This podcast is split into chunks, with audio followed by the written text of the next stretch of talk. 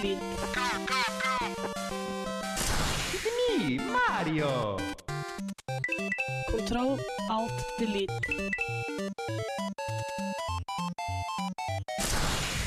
Unable to comply.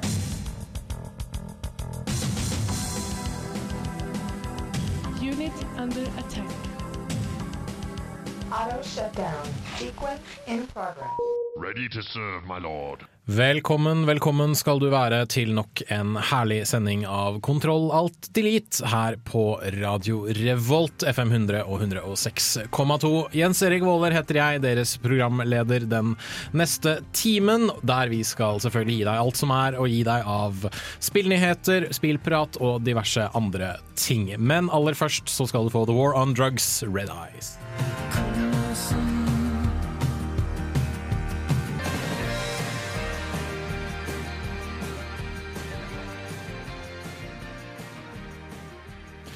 The War on Drugs fikk du der med låta som heter Red Eyes. Programmet du hører på er selvfølgelig Kontroll alt delete her på Radio Revolt FM 100 og 106,2.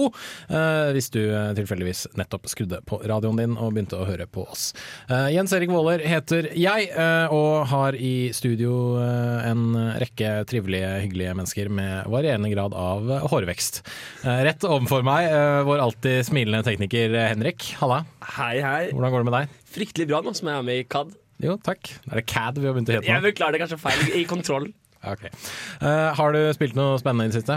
du Jeg har spilt Jeg har kjøpt nytt, nytt, nytt grafikkort, så jeg, har- jeg driver fortsatt, og spiller de spillene jeg har skaffet. da Mm. Så det egentlig ikke noe veldig nytt. Nei. Ikke, ikke som dere hipstere som bare prøver nye, nye ting hver uke og tar helt av. Da jeg var eh, ny i Radio Revolt, så snakket Kontroll Alt Elite eh, stort sett utelukkende om Dota, League of Legends, eh, mods og uh, Minecraft. Ja, Så- Minecraft, ja, der Så ja, de nyhetene. Uh, det å kalle oss spillhipstere som alltid gjør noe nytt, det, det er en påstand med visse modifikasjoner. I will pick that up and wear it as a badge.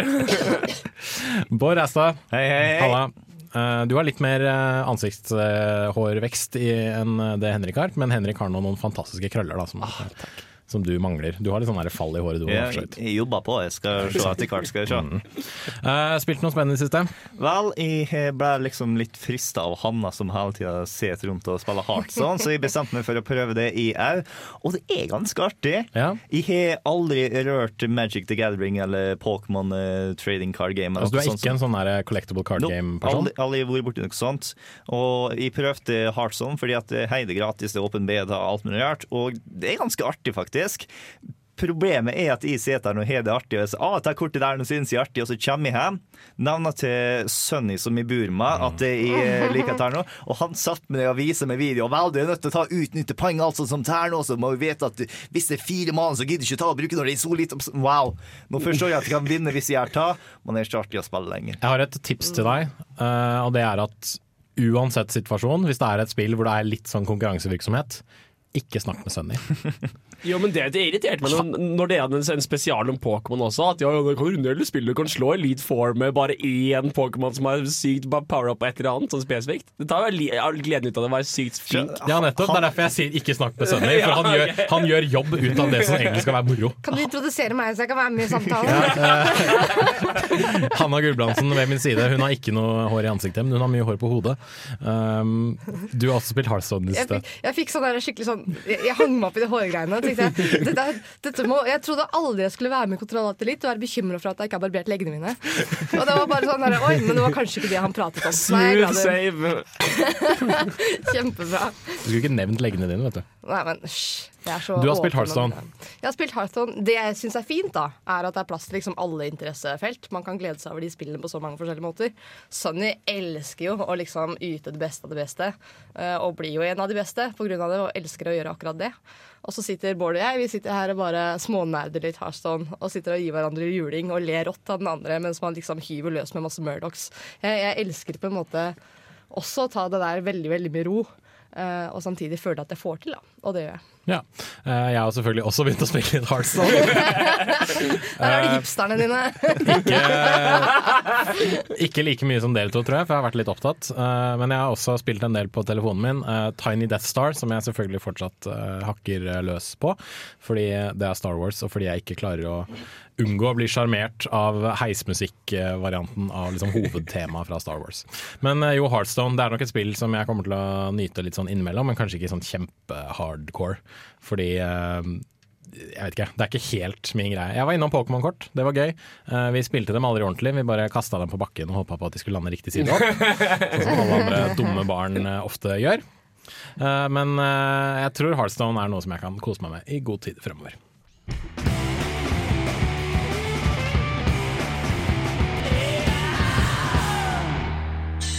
Denne uken i Spillnytt.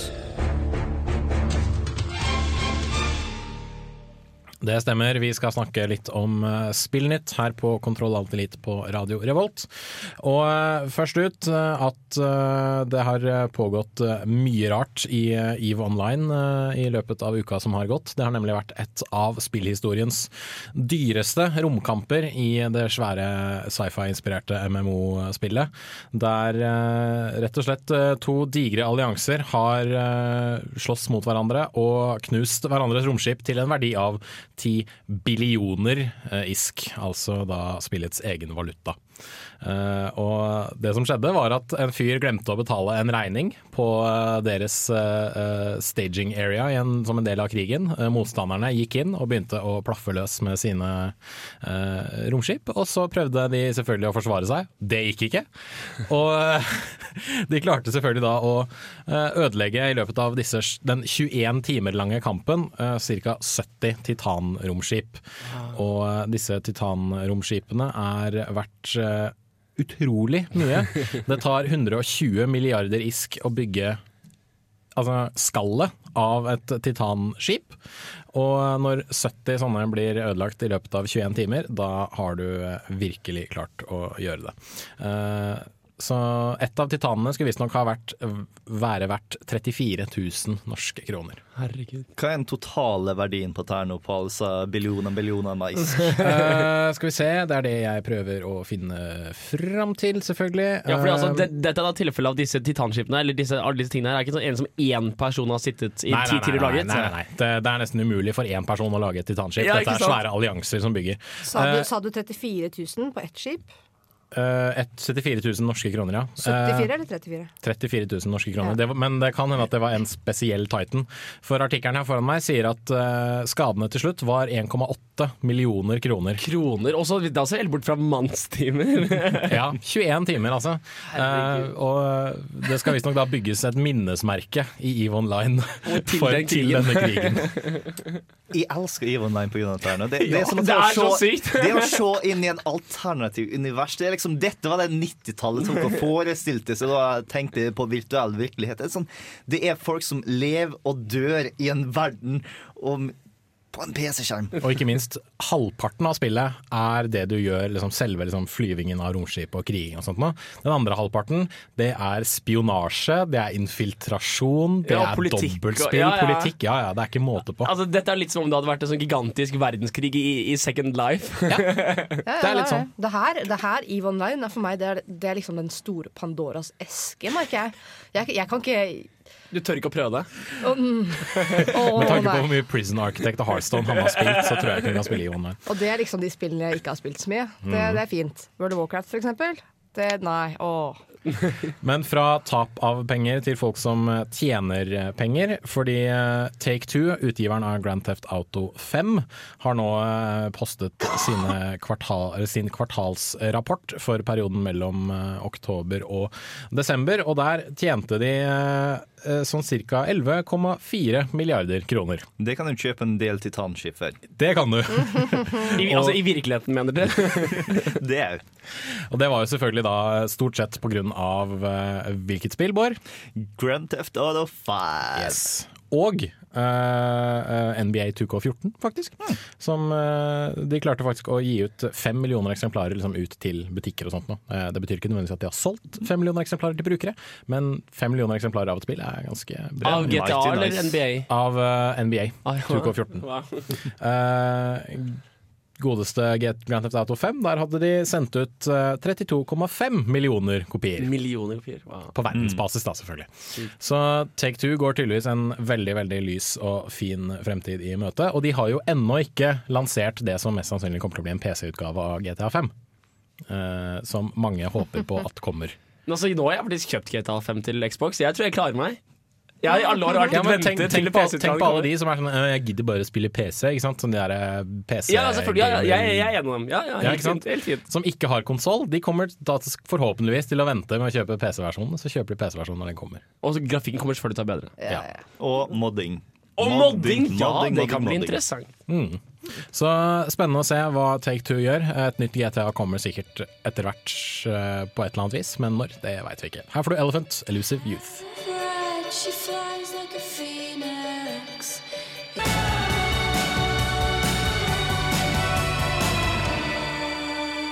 Kontroll. Alt. Det stemmer. Programmet du hører på er selvfølgelig Kontroll alt delete her på Radio Revolt, FM 100 106,2. Eh, Jens Erik heter jeg. Jeg har Henrik, Bård og Hanna med meg i studio. Og vi eh, snakker eh, litt grann spillnyheter. Og eh, ja, altså fra, fra spill til sånn rent teknologi, da, så kan det være verdt å nevne at Microsoft har fått seg ny toppsjef etter at storegutten sjøl, Steve Ballmer, valgte å trekke seg eh, for ikke så altfor lenge siden. Han eh, heter eh, Satya Nadella eh, og har eh, jobbet for Microsoft i de siste 22 årene innenfor Office-avdelingen og Bing-satsing. Ikke Bing- det, at Bing-satsingen var sånn kjempefantastisk, fordi ingen, ærlig talt, ingen bruker Bing. Nei. Det var et av de største problemene jeg hadde med Spiderman-filmen. Han skulle visstnok være en high school nerd, og så bruker han søkemotoren Bing på telefonen sin. Eh, Det må jo nevnes at det er veldig gøy å si Bing. Bing! ja. uh, og han har rett og slett sagt at vet du hva, jeg er villig til å hoppe inn i den sjefsstolen med en gang. Så Steve Ballmer han får seg en litt tidlig ferie. Han gikk på dagen. Han fikk lov, i hvert fall. Så det er jo veldig bra. Eh, Og dette er faktisk den, eh, hvis jeg ikke tar helt feil, den eh, tredje sjefen Microsoft har hatt yeah. siden sin grunnleggelse. Ja, du har selvfølgelig the big man himself, Bill Gates, og så Yes. kommer Balmer inn og prøver, og nå får vi se hva tredjemann klarer å by på. Ja, han eh, har eh, tidligere også vært leder for uh, nettskyavdelingen, og ikke minst bedriftsavdelingen til Microsoft, så han har, jo liksom, han har hatt fingrene sine i mange forskjellige forskjellige ja, produkter. Google, Googles nettsky, ja, hva var det den uh, Du mener Microsoft Nettsky? Microsoft. Heter den bare Microsoft nettsky? Skycloud eller et eller annet? SkyDrive? Nei, det er Google. Nei, det er, Det er Microsoft? Google Drive er Google Ja, det er sin. godt marketing SkyDrive er eh, Microsoft. Er det sant forresten at Bing var et eh, akronym for Bing is not Google? Det hadde ikke vært så verst i så fall. Litt sånn Linux-rip-off. Det mener jeg jeg hørte en Det hadde ikke vært så verst, nei. Men der kommer det inn i den forkortelsen at forkortelsen er en altså, Ja. Dette er ikke et akronym, det er et akronym for et ikke-akronym. Ja, ikke sant? Bing er en Det- det Bing er forkortelsen, og den første bokstaven er Bing. Ja, ja. Det finnes et fancy navn på eh, det her, men det er ikke, ikke på toppen det av er. mine. Det hadde vært litt, litt spesielt om du hadde visst det, faktisk. Men hvis den forkortelsen er liksom sann, så stemmer det jo, for Bing er faen meg ikke Google. Nei, stemmer det. Vel, på en måte jo, fordi at eh, det ble nå avslørt for en tid tilbake at det Bing rett og slett gjorde, var at jeg stakk til Google og spurte Hei, Google, De brukte hva er svaret?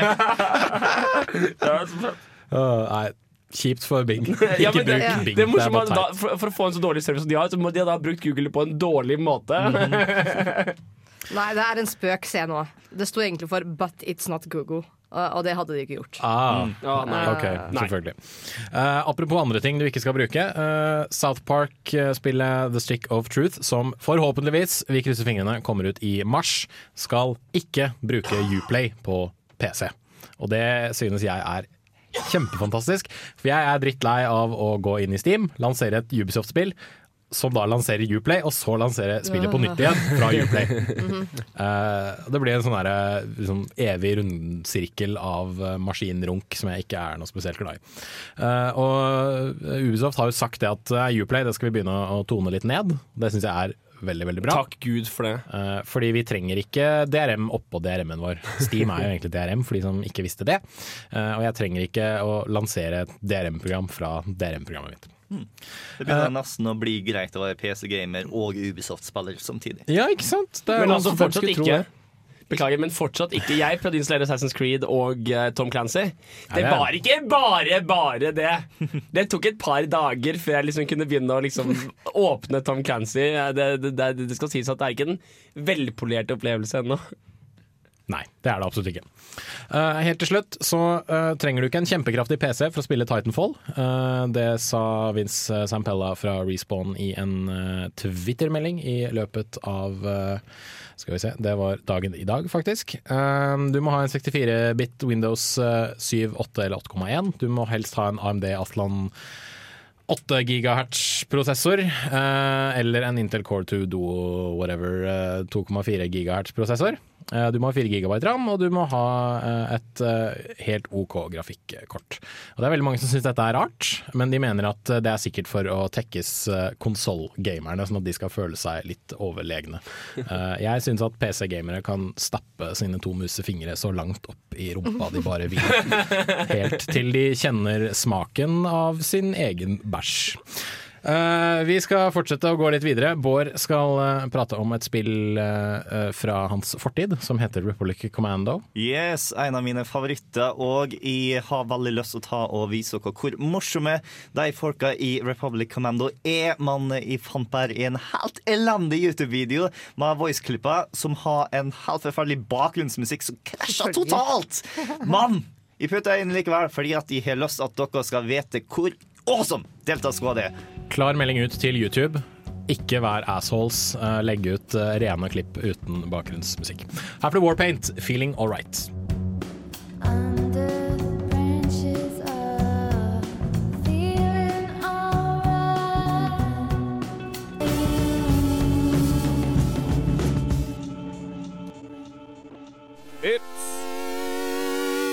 Retro Gamer! Kontroll Alt Elite gjør et dypdykk i spillverdens historie og presenterer spillklassikere fra gamle dager. Retro Gamer!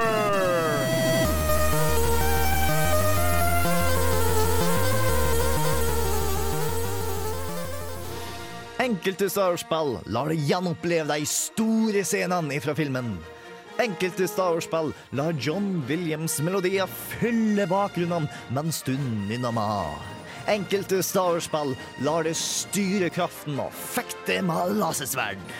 Republic Commandos er ikke et slikt spill.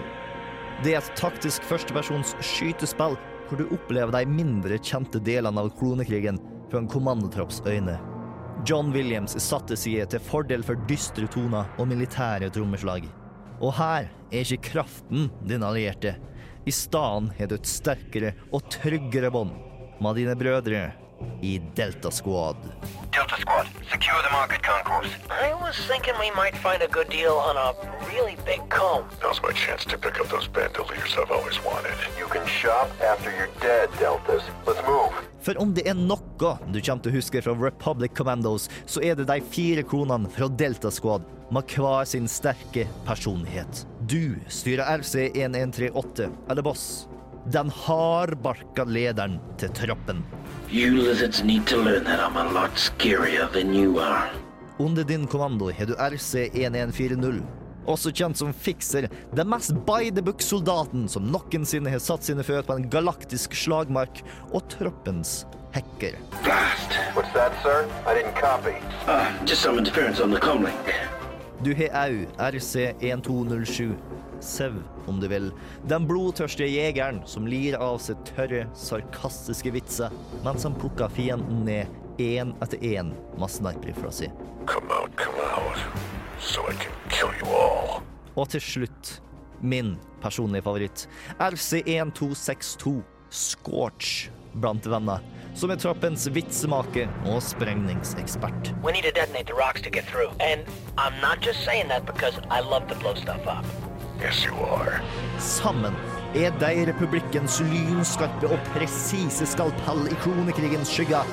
Eller Ninja Turtles i verdensrommet. Alt etter som hvordan du ser på det. Sev, how many kills you got today, Psycho? With a new wise guy. Keep this calm clear, you two. Calm down, Fixer. Just having a little fun. Bortsett fra brødrene dine, så er det jeg liker best med spillet, hvordan jeg bruker subjektiv virkelighet. Det du ser i spillet, er galaksen slik en konesoldat opplever den, i stedet for det glansbildet du får servert i filmene. Verden er mørkere og skjetnere. Wookiene er større og sterkere. De firfyslelignende trandoshanene er mer slimete og ekle. Just when you think they can't get any more disgusting. Og klonene, som burde dele de samme stemmene og dialektene, blir betydelig farga av deres personlighet. If we're all clones, Samtidig som spillet er ganske annerledes fra hvordan du kjenner Star Wars, klarer det samtidig å være veldig Star Wars. Den største svakheten til spillet er at det kom et par år før Coop ble en skikkelig ting. Spillet deler mange likheter med spill som Left 4 Dead og Payday, med klar kommunikasjonslinje, nødvendighet for samarbeid og en 'du er ikke død, for alle er død'-holdning. Nothing like a little precision teamwork, Deltas. And that was nothing like a little precision teamwork. Spillet ble i starten utvikla med Coop i tankene, men teknologien kunne dessverre ikke støtte det tilbake da. Dermed sitter du igjen med et spill som ikke er like taktisk som Rainbow Six-serien, og hvor alle er like effektive på alle oppgaver, til tross for at de visstnok skal ha sine spesialiteter. Red, red, green, or red, green, red? And he's supposed to be the demolition expert. Men det stanser ikke spillet fra de er det en ekstrem tilfredsstillelse når vi sier et vaska bort oljesøl fra battle-droiden du nettopp knivstakk, mens Sev kommenterer det tørt i bakgrunnen. Do you have to make such a mess? Rule 17. Always make sure they're dead. Well, looks dead to me. It is now. Til tross for en laber nok mottagelse til å stanse de fleste planene om en oppfølger, har Republic Commando klart å blitt et kultspill som reinstalleres hver gang noen nevner. Sjøl spiller jeg gjennom det rundt annethvert år for å henge med brødrene mine i en galakse langt, langt borte. Og om du òg er lei av å veive rundt med lasersverd, så anbefaler jeg det til å prøve det ut også. Yeah! Wookiee life debts for everyone.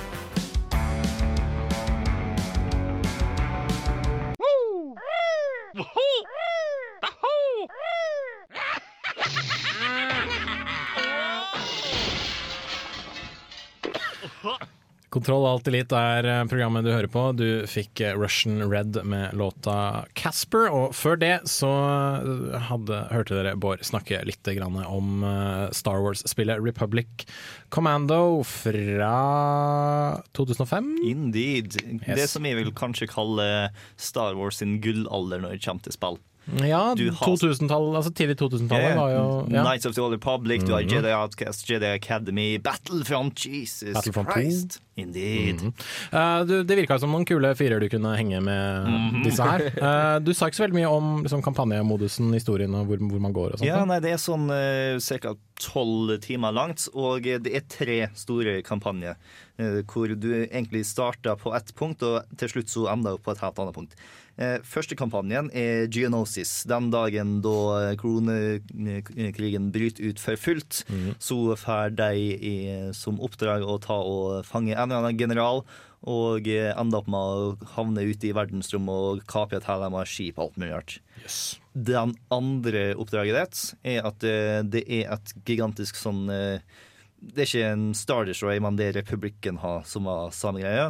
Har plutselig bare gått helt stilt, og så har jeg funnet igjen, og nå sender de inn deltaskad Delta Squad for å sjekke hva som har skjedd på det skipet. Oi, Yes. spooky. Og eh, til slutt så havner du på planeten Kashyyyk, som den eh, vante Star Wars-nerden vil vite er Wookien, eller Chewbacca sin hjemplanet. Kult. Mm. Um, og det er jo tilgjengelig på Steam nå, så de som vil spille det, kan ha strengt tatt ikke noen unnskyldning for å ikke spille det. Absolutt. Det er å, så glad jeg er i det spillet. det, det holder ganske godt fremdeles. Det, det vil ikke ta å imponere det sånn kjempemessig når det kommer til gameplay. Man sa karakterene er deilige, og grafikken ser bra ut fordi at jeg fokuserte mer på eh, en sånn gritty visuell stil i stedet for eh, noe fotorealisme. Stilig. Uh, hvordan er det med liksom Altså Gir du ordre til disse gutta mens du driver og løper rundt, og sånt, eller er det bare AI-er som følger etter deg? Nei, du gir ordre, så det er Mm. sånn ta og hacke opp den døra der, ta og sniper fra en posisjon der, men det må liksom være points hvor de kan gjøre det, hvor eh, spillet tillater at du kan ta og sende en sniper. Så det er liksom ikke så ekstremt taktisk som det en eh, Rainbow Six-spill vil være, men fremdeles mer taktisk enn de aller fleste FPS-er ute her nå. Eh, bare et siste spørsmål. Siden dette er jo et Star Wars-spill, og Star Wars-franchisen er, vil jeg påstå, relativt kjent for å drive en del sånn fanrunk.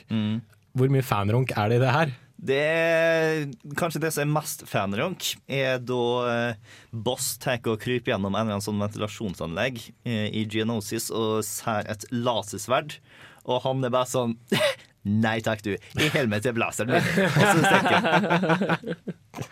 Ok, Det var litt kult. Uh, jeg hadde plukka det opp, da, dessverre. Uh, ja, men Fett. Uh, Republic Commando er å anbefale fra Bård og resten av oss. Vi fortsetter med litt grann mer musikk her på Radio Revolt. Her får du Spider God med låta Empty Rooms.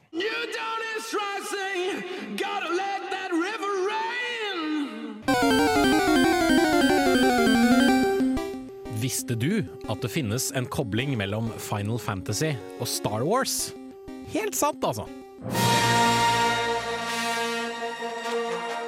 Du har kanskje hørt om radarparet Biggs og Wedge. De er som regel bakgrunnsfigurer i en rekke forskjellige Final Fantasy-spill, og er en referanse til Biggs Darklighter og Wedge Antilles, to X-Wing-piloter i den opprinnelige Star Wars-trilogien. Biggs og Wedge har hatt mange forskjellige roller i løpet av Final Fantasy-spillene, men de ulike inkarnasjonene av duoen deler likevel visse trekk. De er som regel soldater som møter helten ganske tidlig i spillet, og har dessverre en lei tendens til å dø under litt kjipe omstendigheter. I Final Fantasy 6 ble de annet fordampet av en magisk Esper, og i Final Fantasy 7 fikk de en enorm betongplate sluppet på seg. Denne uheldige trenden ble snudd i Final Fantasy 8, der duoen klarte å overleve helt til slutten av spillet. Siden da har de dukket opp i både større og mindre roller, som alt fra blitzball-spillere i Final Fantasy 10 til ingeniører i Final Fantasy 14. Så neste gang du spiller Final Fantasy og møter på to fyrer ved navn Biggs og Wedge, tenk litt på hvor navnene kommer fra, og håp at de denne gangen ikke møter sitt endelikt på en grusom måte.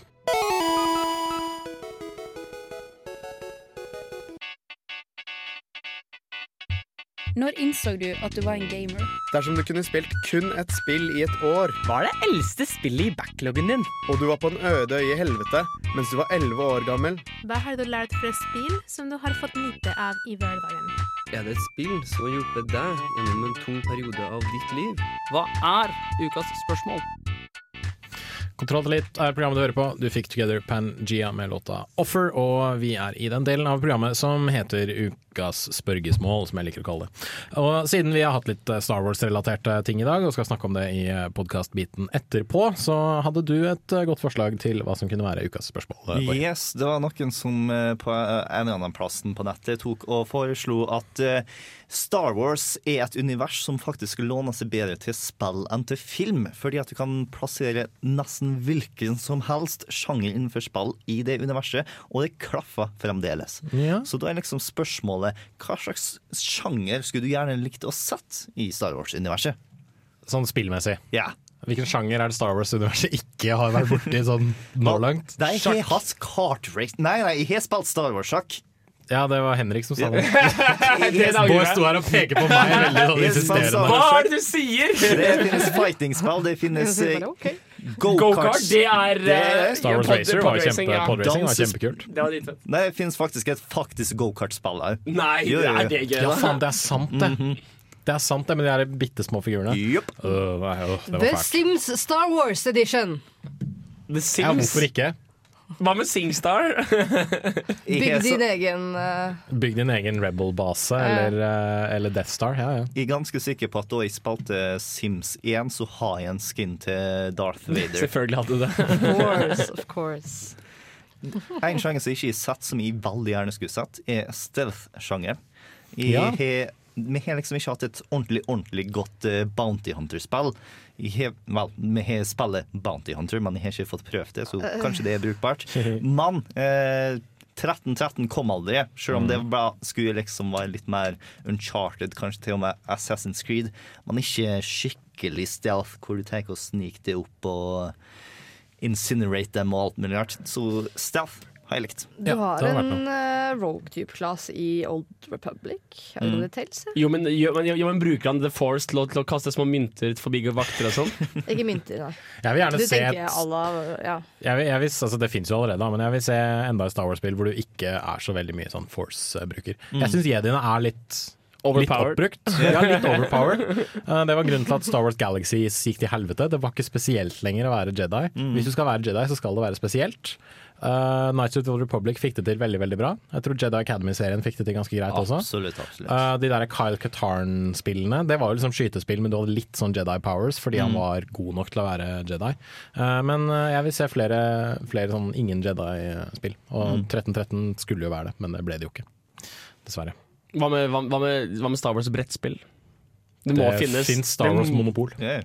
Ja, men Monopol, Det er monopol i er. Star Wars-team. Jeg har liksom et eget Star Wars-brettspill hvor vi kan liksom Å, Force-kort og så bare jeg, Det må, jeg det må da finnes. Ja, det må jo finnes. Det, det finnes helt sikkert. Jeg har spilt eh, Star Wars Pen and Papers, eh, rollespill og alt mulig så ja, ja.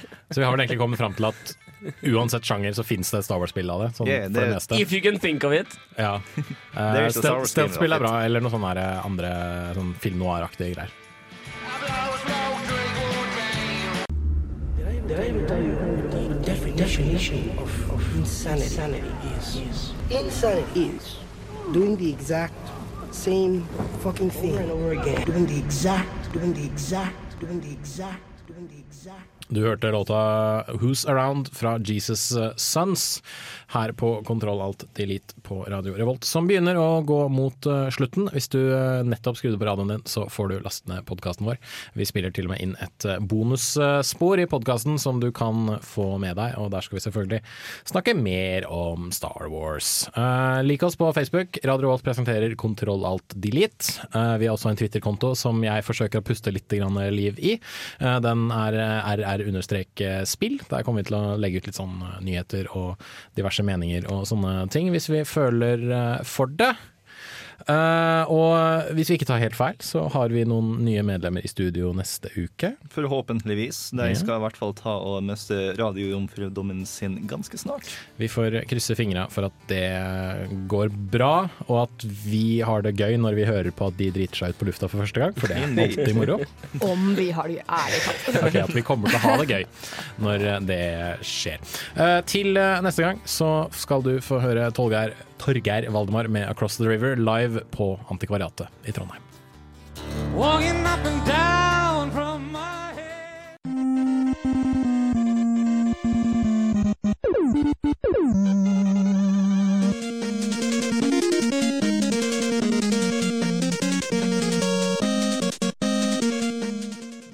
Og eh, der, litt for seint, er vi i gang med Kontroll Alt Elites podkast.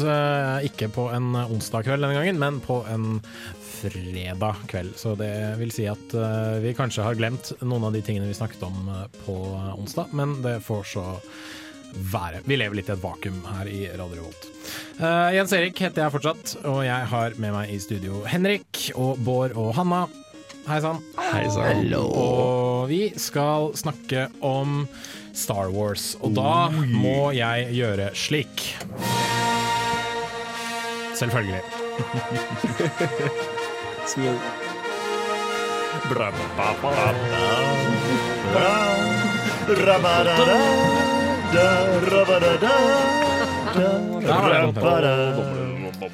Sånn, der fant jeg riktig bryter. Uh, se for deg uh, tre ganske voksne menn i 20-årene som står og dirigerer i et uh, radiostudio. Og en svært et, eh, så har, du et, eh, så har du et ganske bra bilde av hvordan det så ut som akkurat nå.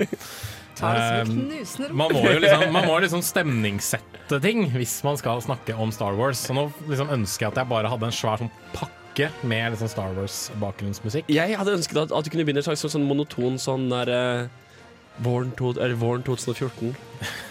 Radio Revolt er uh, Altså sånn er ja, du, ikke sant, du ser, du ser Ja, det ja, ja.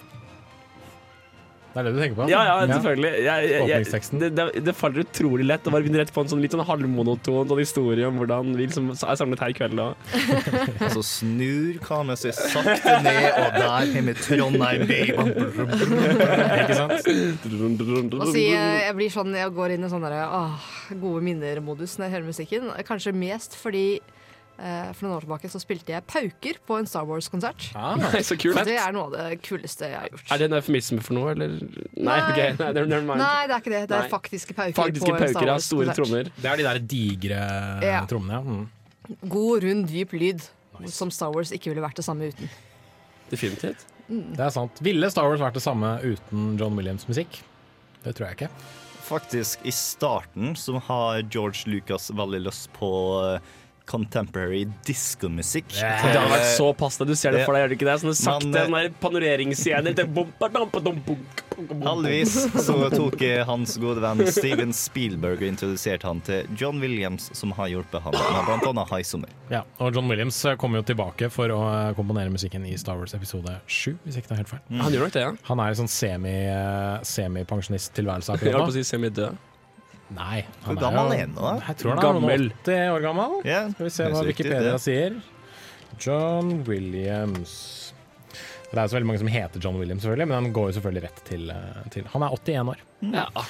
Det er jo ganske respektabel eh, alder for en fyr som har uh, lagd så utrolig mye deilig filmmusikk som vi ikke ville vært foruten. Eh, jeg tenker med en gang John Williams musikk når jeg eh, tenker Supermann, f.eks. Hva med Lawrence of Arabia? Eller er det for tidlig? Det, er for tidlig, det Det, må være for altså. tidlig. Nei, for det er mye sånn type musikk i Lawrence of Arabia. Ja, kanskje. Det, men jeg tror kanskje det er litt for tidlig. Ja, det er, det er viktig. Men uh, vi skal ikke snakke altfor mye om eh, John Williams, selv om vi for så vidt skal snakke om uh, Star Wars. Uh, men jeg har litt lyst til å gå rundt i rommet og spørre folk hva, hva slags forhold har vi til Star Wars. Henrik?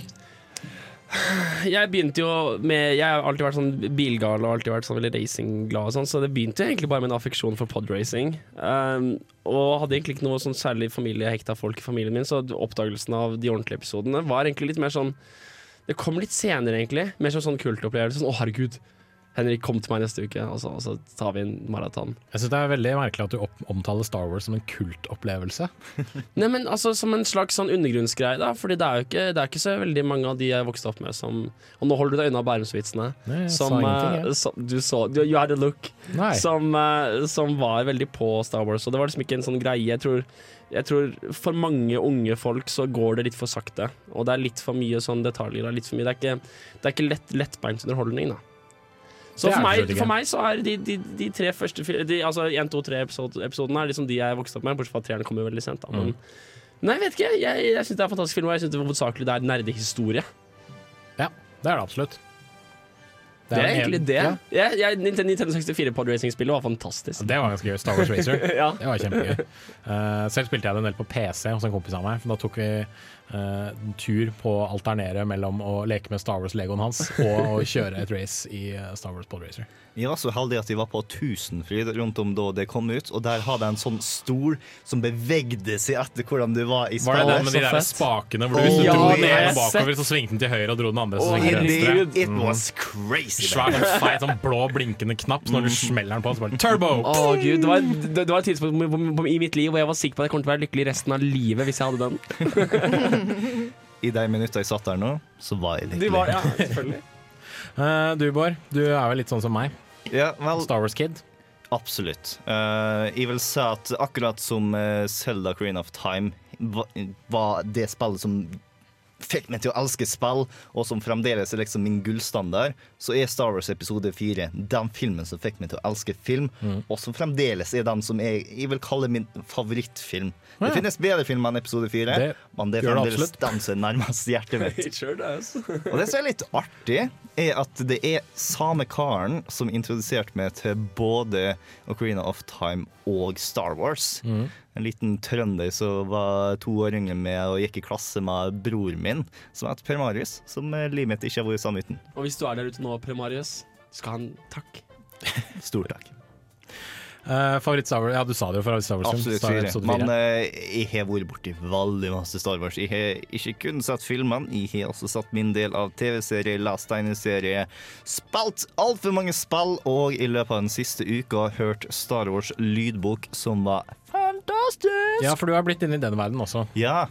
Eh, jeg begynte å høre på lydbøker tilbake i sommerferien. Og så eh, nå i det siste så kom det ut en sånn pressemelding at eh, Disney har tenkt å gå bort fra Extended Universe og alt sånt. De som skal vel egentlig slette hele Extended Universe og Ja. si at eh, veldig mye av det ikke er en del av deres kanon, som det heter. Mm, det, det er forståelig, for de har lyst til å ta og komme med en ny historie, og da kan de ikke ta og trippe rundt alle tingene som er lagt fram for dem, så det er enklere å bare Jeg har ikke lyst til å se på at det er ting som forsvinner, det er bare det at det kommer en ny alternativt univers. Og, Litt sånn eh, som Star Trek. Ja. Og eh, det som folk flest var sint over, var at Tron-trilogien var det som var perfekt. Det var episode 7, 8 og 9. Hvorfor kan jeg ikke bare ta det, og nå blir ikke det canon lenger? Så jeg bestemte meg for å ta og høre på det. Nå, akkurat i dag så ble jeg ferdig med første bok i den trilogien, som heter Air to the Empire. Og Thrawn, som trilogien er oppkalt etter, er en Grand Admiral fra imperiet. Historien begynner sånn fem år etter Return of the Jedi. Eh, opprørerne har blitt The New Republic. De begynner å ta over galaksen, styre de har tatt over Coruscant. Og imperiet er på ytterkanten og prøver fremdeles å holde sitt. Og Grand Admiral Thrawn var en eh, stor leder som var på det ytterste av det ytterste og holdt imperiet borti der nå. Sånn outer, outer rim. Yes. Ja. Og nå kommer tilbake for å ta og rette opp den feilen som skjedde mens han var borte. Ah. Og han er en awesome skurk. Han er av eh, den typen skurk som jeg virkelig liker, som er sånn veldig tenkende og manipulerende, sånn David Sanatos fra eh, Gargoyles. Gargoyles Mm. og eh, Artemis Foyle, som er de andre lydbøkene jeg har lest, og alt mulig rart. Han er bare Kan man si at man har lest lydbøker? Foul? Ja, Ja, jeg, foul. Jeg holdt nesten på å si det. Men vi var ikke douches, så Nei, det var mer som et spørsmålstegn bak. Det er Artemis Fowl, ja. Ja. Men det er barnebøker, da. For, for veldig gode, selvfølgelig. Mm. Men Det sier man jo om Harry Potter også. Nei, man sier egentlig ikke det. Harry Potter er Harry. Potter er barnebøker. OK, greit. Så, Greit, da- greit, greit, greit. Jeg vet ikke hvor den siste boka er. Fordi at Det er det jeg har tenkt på. Det er liksom, boka som Første bok er for elleveåring, andre Ja, bok er for tolvåringer. Nettopp. Den vokste opp sammen med oss, og siste boka er en ikke så veldig bra oh, voksenbok. Nei, ikke en voksenbok. Det er vel Ok, eh, det man kan da. kalle en young adult. Ja, er, men Artemis Fowl er en ren barnebok som er kjempeunderholdende for alle aldre. Og det som er så kult med denne, disse lydbøkene, er at i Artemis Fall så er det kun en kar som har stemme. Han- er fantastisk på å lage alle alle disse Mm. forskjellige stemmene, og jeg kunne aldri tenke meg å høre på en lydbok uten han, fordi at han har Han er de folka! Han er de folka. Jo, men man, man får det tilknytning. Det er litt sånn som å høre Simpsons på tysk. Ja, nettopp. Fordi at du Han passer akkurat til seg karakteren. For det, det var ikke det at du ikke vil høre noen andre lydbøker enn Nei, den han har lest opp? Nei, det var- sånn det Ahmed fremsto. Nei, ok. Eh, og eh, den karen som tar og har stemmen i eh, Satron-bøkene, er også fantastisk. Han eh, har selvfølgelig nødt til å ta følge et eh, stemmer som allerede eksisterer. Han er veldig flink til Luke og C3PO og spesielt Lando. Eh, men eh, han tar også og får eh, masse hjelp fra lydeffekter og John Williams musikk i bakgrunnen. Og det er sånn, hvis du lukker øynene dine, så er det rett og slett en Star Wars-film som skjer framfor øynene dine. Fett. Og jeg forstår absolutt de som snakker om at dette burde være 7, 8 og 9. Så eh, hvis du liker å høre ting på ørene dine, sånn som de gjør for øyeblikket, da sjekk ut Tron-trilogien. Det er verdt det. I Tron er det der vi Det er ikke der vi møter Mara Jade? Og oh, jo. Det er det, ja. Ok, Ja. ja. Greit. For jeg, jeg, jeg har gjort min lesing på Viker og diverse andre ting, og liksom fått med meg at hvem noen av disse perifere figurene er, men jeg har aldri helt visst hvor de kommer fra. Sånn, Mm. Nei, hun er en ganske så interessant karakter, egentlig. Som eh, i hvert fall i starten intenst hata Luke Mhm. Skywalker. Og så skal jeg ikke spoile hva som skjer for vi, videre forbi det for deg som ikke er altfor well versed i The Extended Universe. Nei. Henrik, beste Star Wars-film? Ja, fireren. Eller eneren, eller episode four. Episode, ja. Eventuelt favoritt-Star Wars-film? Nei, beste er sånn, jeg, jeg liker ikke ordet beste. Nei, jeg- beste. favoritt Nei, jeg er enig, jeg er enig med Bård. Det er en, eh, en klassiker i det ordets rette forstand. Den er, den er dårlig på så mange måter, men den er, god, det er en fantastisk film. Mm. Det er en fantastisk eventyrhistorie. Ja. Mm. Og den er liksom så impregnert i popkulturen. Episode fem, du kan eh, absolutt argumentere at det er en bedre film. Men det er så Hver eneste scene i episode fire har blitt parodiert sånn hundre Ja, ganger. Ja, og det er Stort sett av Family Guy. Eller The Simpsons. Eller Robot Chicken. Nei, men Eller det som er så fascinerende, er at altså, i dagens, i dagens sånn, kultur, filmkultur, i dagens på en måte popmedia, så, så, skal, så er det så lite tro på Og nå, Dette er veldig sånn bitchy kommentar. Det er veldig sånn her sann i, i Har du hørt i meg på radio før? Ja, ok, greit. Det er innafor. de, de starter universet. De starter Star Wars-universet bare liksom Sånn, nå. Zoom inn! Der, eh, bak der ligger det 800 000 år med historie, men bare gjett hva som har skjedd, og så tar vi dette bare. Og det, jeg elsker hvordan de bare Ja, kjører på. Ja, men det, det, det starter med et brak, bokstavelig talt, med John Williams Og jeg digger det. Altså, det, er, ja, det, det, Ja, er, det er så res respekt. Jeg, jeg, jeg blir så respektert som, som tilskuer i tillegg. Og det er så utrolig få folk som tør å gjøre det samme filmer nå til dags. Ja, selvfølgelig. Det er alt sammen må ta og som er den første origin-storyen og alt mulig rart.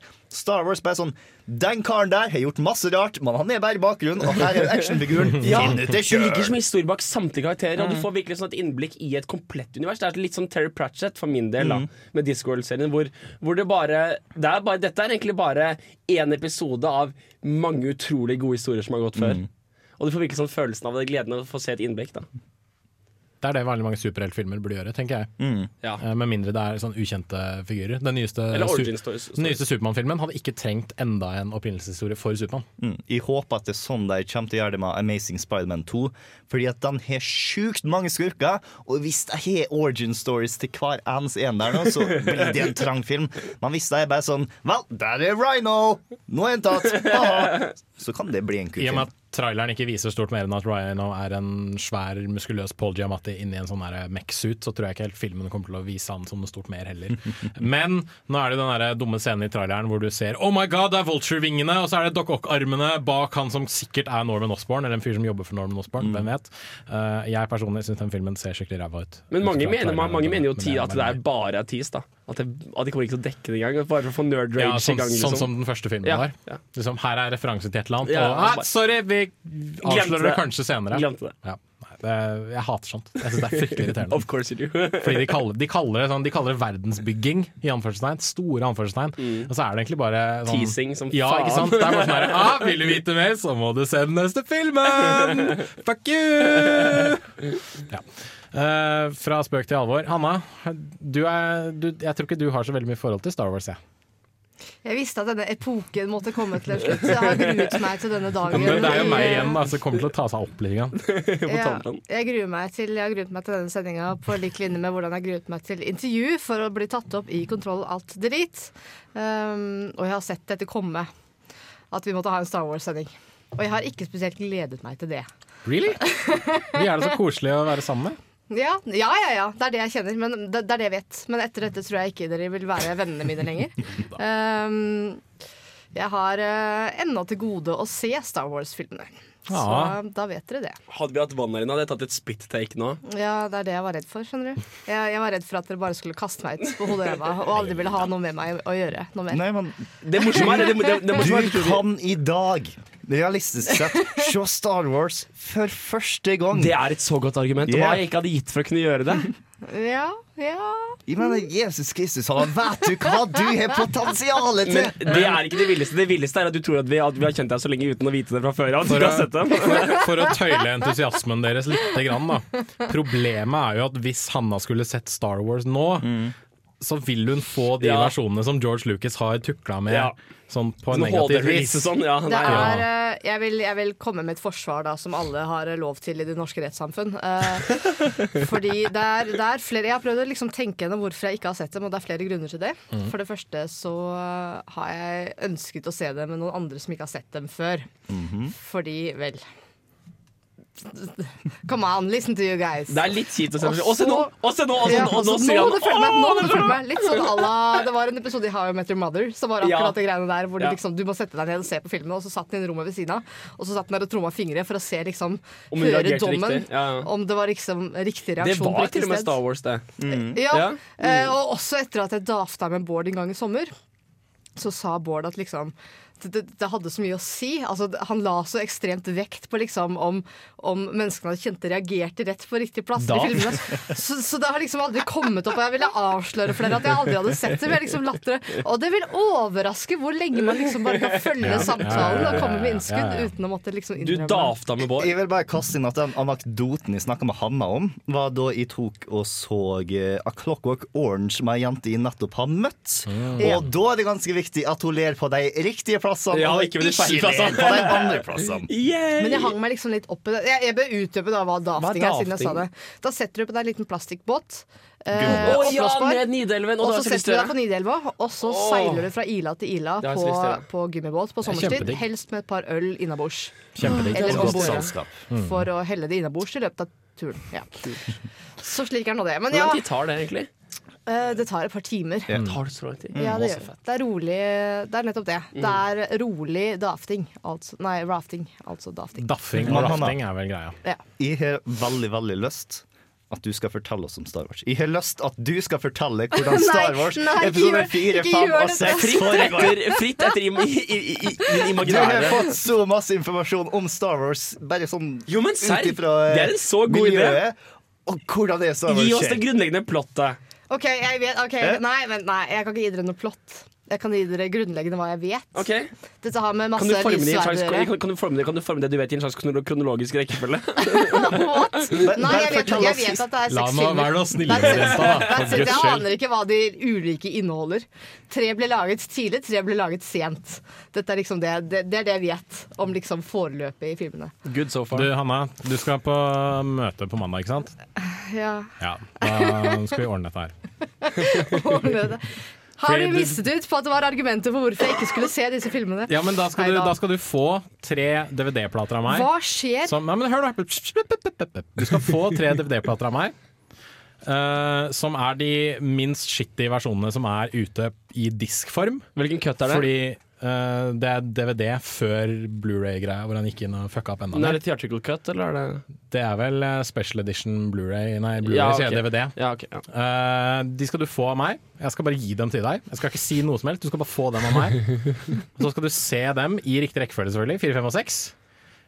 Helt alene, eventuelt med Sondre. Og hvis du ikke liker det, så er det Eventuelt helt greit. Sondre. Har heller ikke sett den. Ja, Oi, nettopp, nydelig, Så får du ikke sett Hvordan har du vært sammen med mannen? Ja, men du, hysj nå, da. Hysj nå, da. Så, skal, så, kan dere, så kan dere to ta en helg, se Star Wars-filmene, og så kan jeg bare få de tilbake. Og så kan du si om du syns det var bra eller ikke, og så skal jeg bare si ingenting. Så nå må jeg gå hjem til Sondre og si at nå klarer vi ikke å gå det lenger. Yes. For dette har vi snakket om så mange Ja. Jeg skal, jeg skal trenge deg og Sondre litt opp i et hjørne. Det måtte komme. Uh, Det måtte det, det er kjipt for dere. Jeg trenger det litt opp i et hjørne. Men ikke, vi skal ikke sitte der og, Og liksom, se med dere Nei. og stirre dere dypt inn i øynene mens dere prøver å se på Star Wars. Og du trenger heller ikke å si Vi skal heller ikke sitte og sende dere masse tekstmeldinger eller Facebook-meldinger er eller et eller annet har du sånt. Har du, har, du, har du sett den tiden man duden på det stedet? Likte Ja. du det og det, eller likte du, synes du det var Ingen sånne ting. Du skal liksom- bare få sett de filmene, så skal du gi DVD-platene tilbake til meg, og så skal du si om du syns det var bra eller ikke. Det er okay. alt. Fordi Du har lov til å ikke like det. Det er veldig om- mange jeg kjenner som ikke liker Star Wars. Hva om jeg ikke liker Star Wars? Vil dere fortsatt leke med meg da? Nei, nei, nei. Men, men jeg mener, da har du, kan du i Det er ikke deg jeg var nervøs for, Henrik. Å, jeg, jeg gikk så inn i den. Å, herregud. Du har fornærma meg så mange ganger i dag at vet du hva? Henrik fornærmer alle støtt og stadig. Sier du? Ja, det sier jeg faktisk. Har du pynta deg, kjerring? Kommer inn, liksom, tatt på litt maskara, liksom. Føler meg litt fin. Og Henrik bare Og, Ja! og kjole. Nå var du litt finere enn vanlig. Alt jeg sa, var at det var deilig å endelig ha en jente i studio. Ja, jeg kan ikke skjønne jeg husker, Nå husker jeg at vi har en jentekontroll til litt. Ah, easy pickings. Neida, så nervøs har jeg vært for den sendinga her. Jeg har nesten tømte meg en halv Karlsberg Carlsberg. Jeg har nesten tømte meg en hel Karlsberg Carlsberg allerede. hardt ned i Det var for å demonstrere, liksom. Eh, Men uansett, jeg det er så mye jeg syns er dritt som folk syns er bra, og det er så mye jeg syns er bra som folk syns er dritt. Så jeg gir litt faen om du liker Star Wars eller ikke. Du har selvfølgelig lov til å ikke like det. Eh, Jeg bare vil at du skal se det. Ok. For At du skal ta del i den popkulturelle sfæren. Ja, jeg, jeg, jeg har egentlig vanskelig å forstå hvordan du ikke kan ha sett Star Wars, fordi at det er så grunnleggende for popkultur. Jeg tror jeg, eh, hånd på hjertet, og beklager min vennegjeng hjemmefra hvis dette er feil, men jeg tror aldri vi har snakket om Star Wars når vi var mindre. Eh, med denne vennegjengen jeg har hengt med liksom fram til etter videregående. Ok, sånn er det når du kommer fra foreldrene dine sine feil for å oppdratte hat. Ja, men du, Det var det jeg hørte når du justifiserte deg i sted også. Jeg hørte bare dårlig oppdragelse. dårlig oppdragelse, Ganske sikker på at mor og far heller ikke har sett liksom, Star Wars-filmene. jeg skal, jeg Det tror jeg ikke mine foreldre har heller. Nei, ikke mine heller. Faktisk. Nei. Eller jo, antageligvis kanskje min mor. Antageligvis, Hvor- hvor men jeg, jeg, jeg, jeg, jeg liksom- tviler på at hun, at hun husker den. Det er en sånn ting som ofte bare går på TV, Uh, og så slippes det jo nye utgaver hele Ja, tiden. Menneskene jeg liksom har hengt med fram til jeg kom hit, var aldri altså, ingen nerder blant dem Mm. som på en måte har vært Star Wars. Så før jeg møtte dere, så har det på en måte aldri vært et tema. Det har vært Star Trek, da. Og når jeg jeg møtte dere, så har det vært tema i sånn supermange år. Så hvordan skal man liksom how to break it down? Det, nei. Nei, nei, nei. Det, nei. Men vær glad for at du sier det nå, og ikke sånn i situasjoner der man kanskje har litt mer innabords, hvor man ender opp med å skrike Har du ikke sett Star Wars?! Ikke Ja.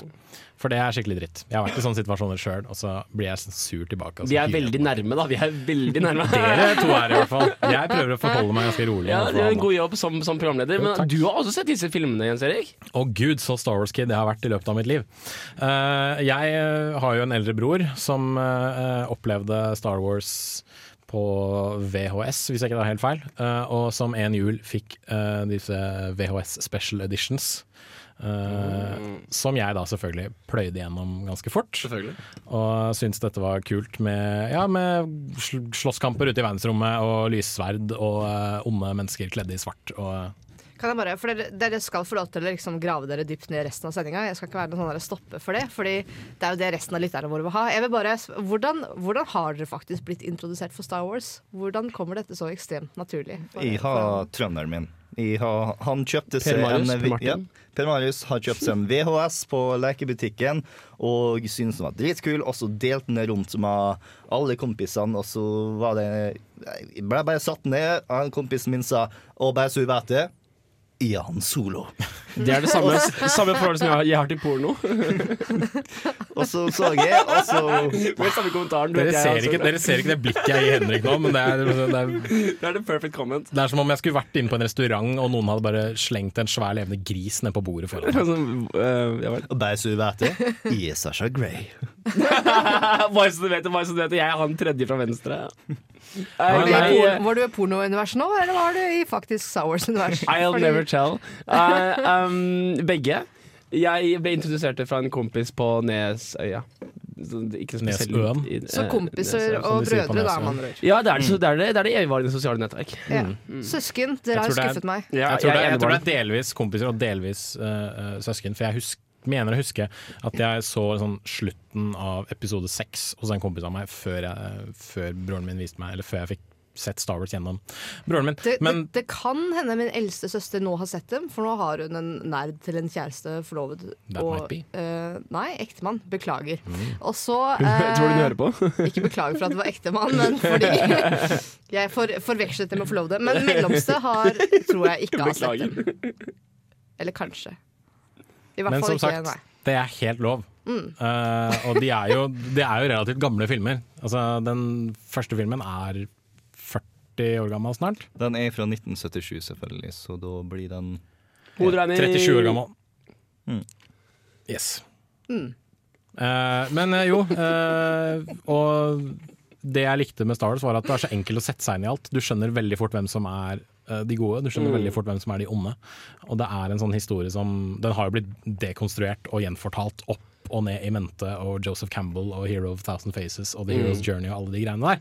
Men det er bare en sånn, for meg i hvert fall, så er det en historie som hele tiden er veldig tidløs. Og det er filmer som er veldig tidløse, og som Mm. er eh, Nettopp fordi at det er, de, det, er så, det er så uspesifisert hvor alt foregår, som gjør det til en filmverden hvor alt kan skje. Eh, hvor du på en måte bare aksepterer alt fordi det er ja, det er en galakse langt, langt borte, og det er lenge, lenge siden. Bare go with it. Her er, sånn, her er en sånn ting vi kaller uh, The Force, som egentlig er magi. Bare at det er magi i verdensrommet. Eh, her er drager, men det er drager i verdensrommet. Her er et kongedømme, men det er et kongedømme i verdensrommet, etc. etc., etc. et cetera Veldig mye sånn in space! Akkurat sånn. Og eh, så er det en verden da som er delvis populert av mennesker, delvis populert av Muppets. Sånn egentlig. Fordi de er jo Egentlig, når du sier det jeg, jeg, Og dataeffekter. Apropos How I Met Your Mother, de hadde en hel episode om hvordan, ting, hvordan, hvordan forestillinger og, og vrangforestillinger knuses med sånn glasssplinter dritt i bakgrunnen. Med en gang du nevner det, liksom. Jeg får det litt nå, det derre krsj, krsj, hver gang du sier ting. Bare sånn, oh, Muppets, å faen, du har det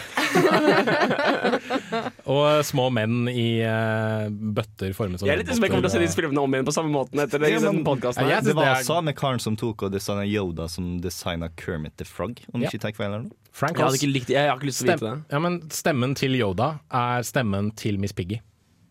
Oh. Altså ikke, ikke, liksom, ikke altså, det, er sånn samme, det, er ikke samme stemmen, men det er samme skuespiller. Ja, ja, ja, det er samme stemmen hadde jeg nok merka.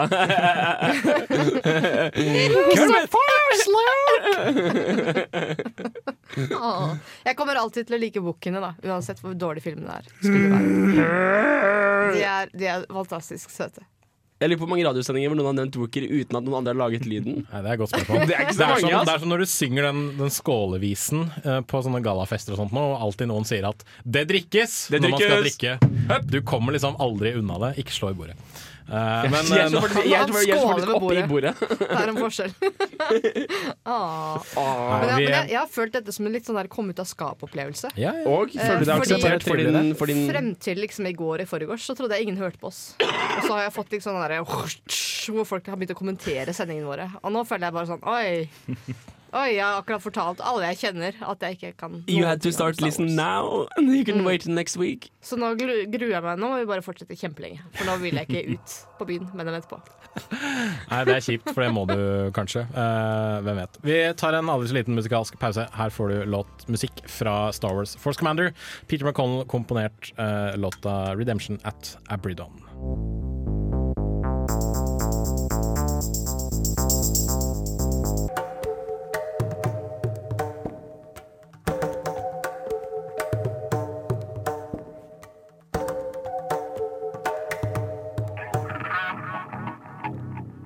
Musikk der, altså, fra Star Wars Force, For, Fourth Commander. Force Commander. Fourth Commander. Komponert av Peter McConnell. Uh, akkurat det kuttet heter Redemption at Abridon. Uh, jeg må komme med en innrømmelse og si at jeg ikke har spilt Star Wars Force Commander, men det har du, Bård. Yes, uh, Star Wars Force Commander var et eh, eh, real-time strategy game tilbake på tidlig 2000-tall eller sant 90-tall, jeg husker ikke hvilket. Eh, det ble ikke spesielt godt 2000. Bankers. Mm. Det ble ikke spesielt godt mottatt. Men jeg var for ung til å ha hørt på noen andre tilbake til da, og har veldig mange gode minner om Jo, men det. Det er en klassiker at man spiller et spill med man er liten som man trodde var kjempebra, fordi man har så mye good times. og Så, nei, det var et jævlig dårlig spill, vet du. Ja, men, ja, Hvorfor koste jeg meg så mye da? Nei.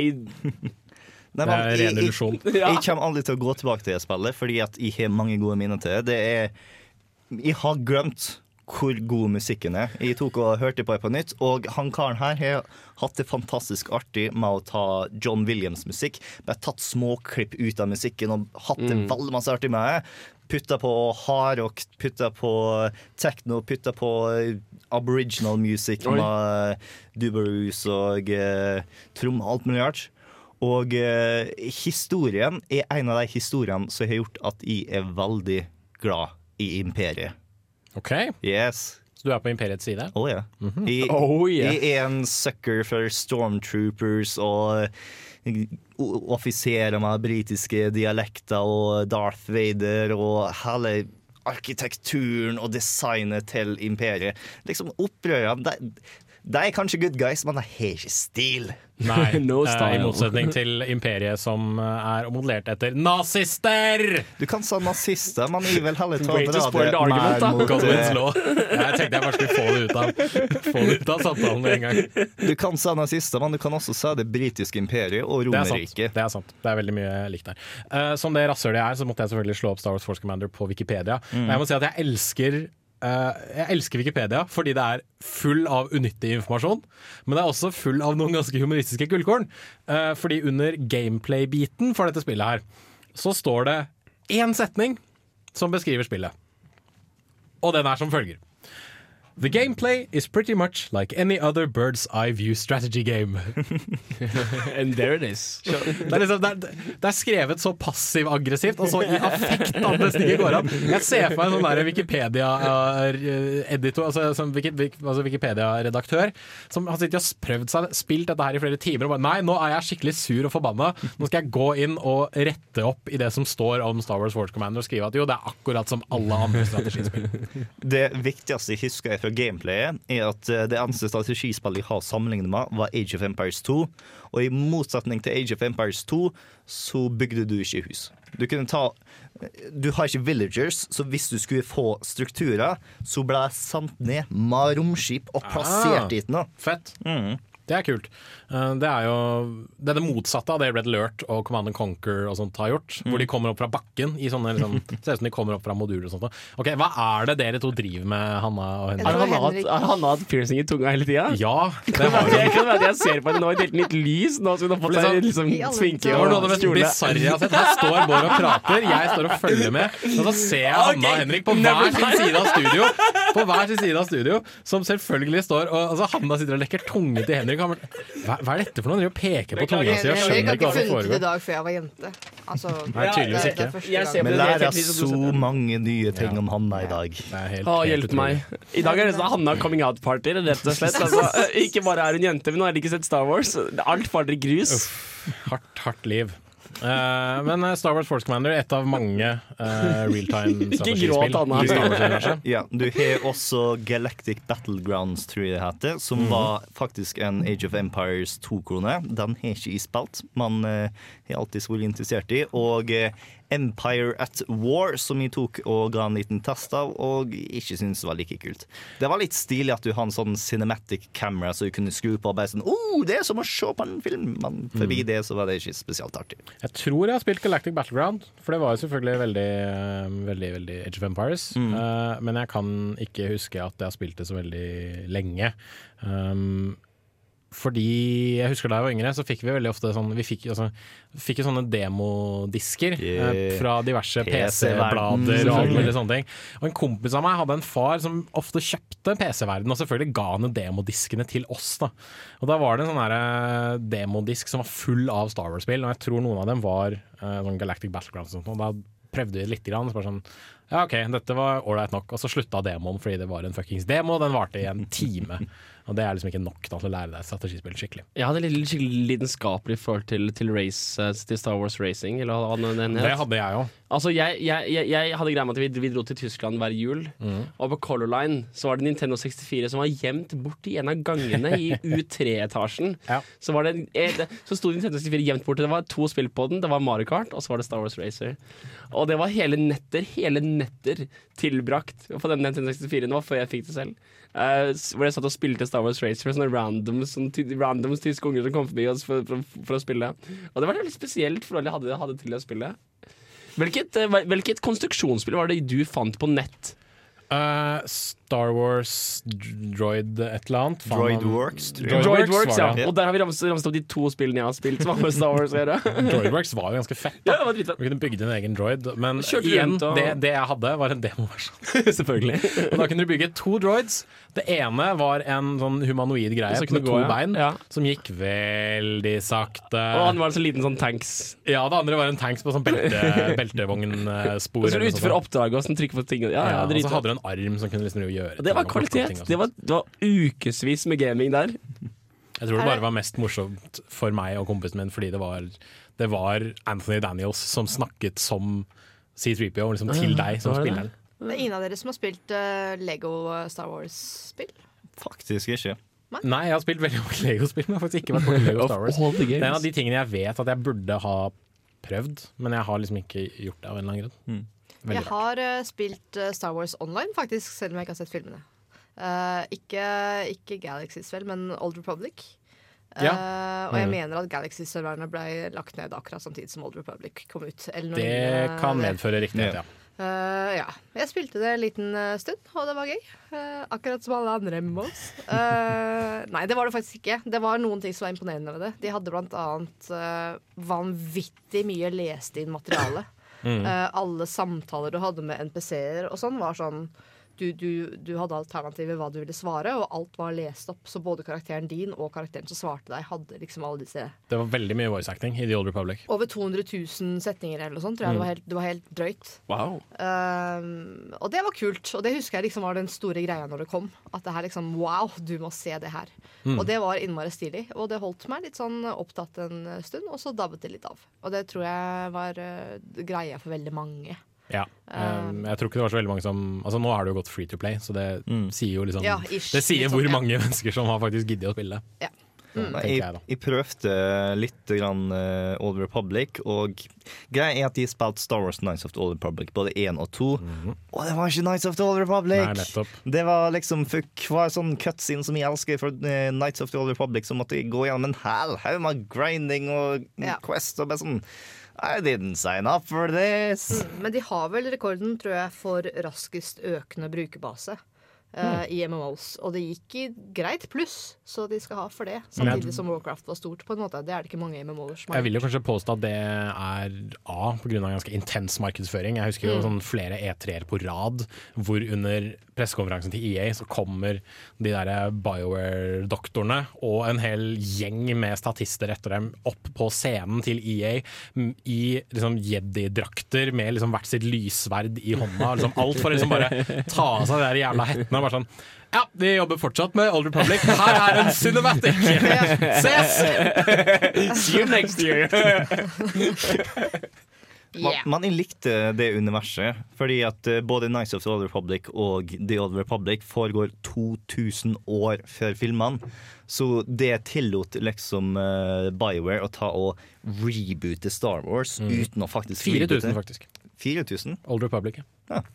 Beklager. Eller Nights of the Old Republic foretok Ja. 4000.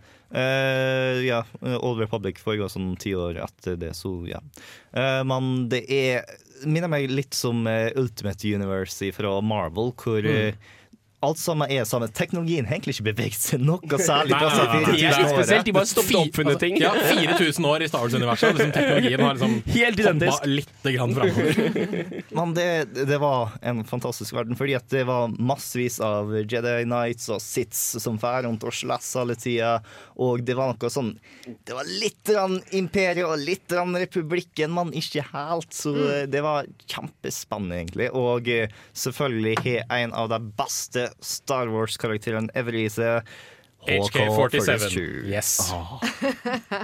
Det skal sies, PVP i eh, The Old Republic var Det var kaotisk. Det er noe av det verste jeg har sett noensinne, sånn oversiktsmessig, og hvordan du skal legge strategier i hodet ditt for hvordan du skal takle det her. Det var bare umulig. Du kunne charge noen fra sånn Ja, du hoppa sånn 150 meter, meter Ja. og bare Hva du, du ser liksom bare ingenting komme, da. Og plutselig blir du bare pælma sånn inn i helvetes langs. Du kan bare charge tilbake. Nei, det var helt vilt. Det, det hadde aldri funka. Veldig sånn nervøs. Rundt hele tida bare Ja, du- du- er, det- ja. er det noen der? Er det noen der? Er det noen der? Det var ingenting som ga mening. Hørte du noe? Men Star Wars Nights of the Old Republic var et av de spillene som kom ut på det som jeg mener er gullalderen for Star Wars-spill. Ja. Eh, Det var eh, mellom 2000 og 2005. Liksom forrige generasjon. Så mellom episode 1 og episode 3, altså. Ja.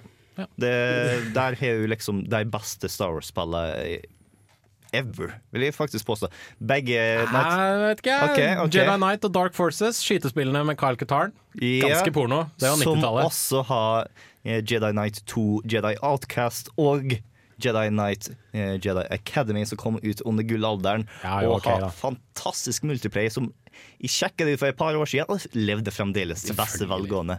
Det verste er at Eh, ingen av dere har forberedt dere på det her. Dere bare vet det. Det er litt skremmende, egentlig. Og Altså, du, jeg Har du tror vært vet ok, på. Kontroll Alt Delete? Ja, altså, har, har du møtt meg og Bård? Altså, vi er liksom Vi er, vi er liksom et par øl for mye og liksom bare tatoverer ordet nerd i panna. Liksom i blinkende neonlys. Stemmer det. Det, den dagen blinkende neontatoveringer blir oppfunnet, da sitter det. Jeg ville gått litt mer subtilt og hatt en sånn bantaskel som eh, Boba Fett har på skulderen. Nice. Dere har gjort noe riktig, da.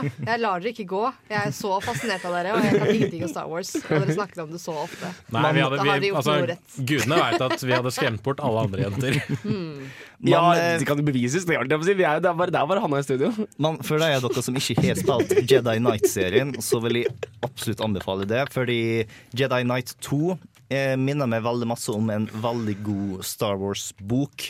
Hvor du har en historisk gård veldig rett fram, veldig godt fortalt, med Kyle Katarn som er litt i gråsonen, så han er ikke 100 snill Jedi som eh, det Luke er. Og i eh, Jedi Academy så designer du din egen karakter, er padawan til Kyle Katarn. Og den har litt annerledes eh, setup. Der er det liksom veldig mange forskjellige oppdrag du kan velge. Så det føltes mer som å spille en Star Wars TV-serie, hvor i én episode så er det sånn Du har nødt til å ødelegge seg våpenkassa her nå. Hva er det? Boba Fett vil at du ikke skal gjøre det? Vel, da må du slåss mot Boba Fett! Og så en annen hvor du Greatest hits av Star Wars. og så en annen hvor eh, du blir fanga av imperiet, hvor de tar alt våpenet fra deg, inkludert lasersverd, og du må bryte det ut av eh, fengselet og komme deg bort og ferske lasersverdet før på slutten, så du må stole totalt på kreftene dine. Men altså, det, er, det, er, det er mange som sier at, det er mange som sier at, at, at disse spillene uten Jedi-krefter og uten sverd Gjerne er de morsomme. Det var et spill du, du reviewa Ja, i, i, i, sendinga. Hvor, det var, det var, hvor, de, ser sverdet og bare Nei, jeg tror jeg holder meg til blasteren. Mm. Og det er en del spill som holder seg unna både Forces og sverd, og fortsatt Ja. bruker bare universet og storytellingen til å skape bra, bra spill. Mm. Jeg vil si at eh, Jedi Knight-serien er den som er den beste, dersom du har lyst til å være Vel, en Jedi En Jedi. du har Star Wars Force Unleashed, som var Vel, jeg er aldri glad i power fantasy, for å være helt ærlig. Det er, det er altfor masse God of War hvor jeg er sånn Åh, nå kan du ta og flytte en halv Star Destroyer! Så slasher du gjennom et dusin Stormtrooper! Wow! Lyn overalt! Det er underholdende de ti, eh, par timene du spiller, men det, det, det har ikke nærheten av den gode historien som det Jedi Knight-serien har. Jeg tror det hjelper også med disse Jedi Knight-spillene at Kyle Katarn er en sånn fyr som Altså, Først så er han bare en vanlig bounty hunter, og så får han vite at shit, jeg har force powers. Og så «Eh, Jeg gidder ikke bli Jedi, fuck it! Fuck it! Og så blir han liksom tvunget inn i det. Så han, sånn, han er veldig sånn, I motsetning til Luke Skywalker, som bare sånn, ja, Jedi Knight, fuck! This- this is the det vil jeg bli, og det blir kjempekult. Og I wanna go with you and learn the Ja, ways of the force like Ja, my father. Ikke sant, alle de greiene der. Kyle Katarn er mer sånn faen heller. Nå er, liksom, nå er jeg en Jedi. Helvete. Nå må, jeg, nå må jeg trene opp den nye padaen hans. Alle greiene der. Han er skikkelig sånn Hvem gidder dette drittet? Liksom? Ja, ikke sant? Hvem bryr seg hvor mange sånne ting du pinger på den skalaen? Jeg vil hjem. Men ett spill hvor du ikke spiller som Jedi Knight, vel for det aller, aller meste, som var tilbake i gullalderen, er Star Wars Battlefront-serien. Som er den mest solgte Star Wars-spillserien, faktisk. Faktisk. Inkludert de nyere greiene også. I mener på det det, det Men det nyere- meget solgt, i hvert fall. Det nyere greiene har egentlig ikke solgt noe særlig. Du har, det som har Ja, vært det- Padma har vært veldig bra, liksom. Så det, De spillene som kom ut denne generasjonen her, er Lego Star Wars, Star Wars Force Unleashed, Ja. Star Wars Kinect og The Old Republic. Jo, men First on Reels og The Old Republic har fått ganske gode kritikker, da. Jo, jo, men de har ikke solgt like godt som eh, Battlefront. Fordi det Battlefront var, det var Call of Duty, det var Battlefield for de som var yngre. Det var Mm. noe som var helt trygt for eh, sjuåringen din å spille, som var kjempeartig, og du spilte mot vennene, og du, hoppa inn en eh, X-Wing og pew, pew, pew! Det var, det var overraskende vanskelig også, husker jeg. Eh, men eh, nå sliter jeg litt, Bård, for jeg prøver å finne ut av et spill som jeg ikke husker hva heter, som jeg tror du kanskje vet hva heter. Det var et Nintendo 64-spill som jeg tror var et tredjepersonsskytterspill, hvor du annet starter på Hoth, og så driver du og skyter ned Yes. eh, Du tenker på Shadow of the Empire. Shadow of the Empire var det lett etter, Som var et ganske spennende prosjekt. Det var det som kom ut før Star Wars episode 1. Så Mhm. har George Lucas lyst til å teste markedet litt. Han har lyst til å teste at han fremdeles eh, got the skills. Got the Eh, skills. Så det han gjorde, var at han lagde en Star Wars-film med alt annet enn Star Wars-filmen. Han tok og lagde spiller, han lagde bøker, han lagde tegneserier, han lagde actionfigurer. Han lagde alt sammen rundt en historie og fikk folk interessert i det. Så kult. Og det er hva som skjer mellom Star Wars episode 5 og Star Wars episode 6. Og ikke Eh, minst, det har den feteste navnet på en figur i Star Wars-universet. Mm. Dash Rendar. Oh, ja. Right there, liksom right in the, in the heart nuts, liksom. Oh yes. Treff meg her med en gang. For Dash Render var eh, ganske Han Solo. Altså. Han har ganske likt skip, og du for rundt Og han har jetpack. Ja, det, det har jeg nesten glemt av før vi begynte å snakke om det. Han har jetpack i Nintendo 64-spillet hvor du kun spilte som Dash Render. Og eh, du starta på Hoth, hvor du tok og kobla til kabelen rundt AT-AT-en og snurra rundt alt sånt. Første gangen jeg spilte dette spillet her nå, jeg har ingen anelse hva jeg gjorde. Jeg fikk bare med meg at etter hvert så eksploderte sa shield generatoren, så jeg bare tenkte OK, vel, det er tydeligvis meningen at de skal ødelegge shield generatoren. da. Pew, pew, pew. For dårlig gjort, Bård. For dårlig. Du er en forråder mot, uh, mot Jeg har oppgjøret. ikke satt Star Wars episode fem før jeg har okay, det spillet. Eh, vi eh, går litt videre til uh, Ash med låta 'Clones'. Hvordan har det knytning til Star Wars? Bård? Uh, Det er rulletekstmusikken til Star Wars Republic Commando.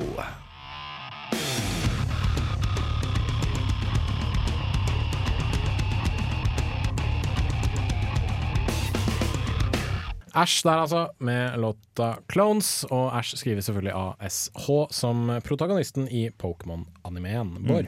Dette var den første låta i et Star Wars-spill som var licensed, altså laga utafor LucasArts eller Mm. Skywalker Sound. Og det var tilbake i 2005. Og i jeg tror den eneste andre gangen vi kommer til å høre så langt en annen lisensiert eh, låt, er fra et spill som vi kommer til å høre neste gang det er noe musikk. Å gud, ja. Oh yes. Teasing, teasing. Gled dere til den. Entusiasme. Eh, vi snakka litt om eh, Star Wars-spill i diverse forskjellige sjangere. Vi har vært innom uh, et par skytespill, vi har vært innom en god del rollespill. Mm. Uh, men det er jo, som vi nevnte under radiosendingen på onsdag, så er det så utrolig mange sjangere man har vært innom i Star Wars-spillene. Mm. Eh, jeg tror det eneste man ikke har vært innom, er sånn pek og klikk adventure games. Og det er så synd, fordi at Bortsett fra kanskje Lucas liksom Arts Yoda Stories gjelder kanskje under den fanen, men bortsett fra det, så Ja, men Lucas Arts er de som Ja, ja. er kjent for pek og klikk, og det skjedde aldri. Og eh, det som er svært interessant, selvfølgelig, er at Telltale Games har tatt og uttrykt et svært stort ønske for å ta og kunne bevege seg i Star Wars-universet. Det tror jeg hadde vært fett. Men eh, kanskje de får lov til det nå av Disney, nå som Disney bare sier fuck it, purge the cannon. Vi, Ja, Disney er Greia med Disney er at de har tatt og kjært rundt med Marvel, og de har fått veldig stor suksess av det. Så det de har lyst til å gjøre, er å ha stålkontroll på alt. Det var massevis av kule spill som holdt på å bli utvikla i LucasArts. Du har Star Wars 1313, som skulle være et uncharted-like eh, Star Wars-spill, hvor du spilte som Boba motherfucking fett. Det ble kansellert. Og eh, de tok og prøvde å ta og starte Battlefront eh, på nytt. Det var noe som het Battlefront First Strike, eller noe sånt Mm. som er som skulle bli lansert for å ta og teste markedet. Og det bare hoppa de lett over. De eh, renska bord, alt sammen av som skulle lages av Star Wars, skulle godkjennes nå av Disney, og jeg regner med at de har lyst å bevege seg innenfor etter Star Wars episode 6-æraen, i stedet for mellom episode 3 og episode 4, som Ja. vært det som har vært populært nå etter at episode 3 ble ferdig. Det er jo sant, men jeg ser jo for meg at hvis de Altså, hvis Telltale Games klarer å lage interessante det er jo ikke point and click-spill, det er det jo ikke. Det er jo liksom adventure games, yeah. historiedrevne eventyrspill. Ut av f.eks.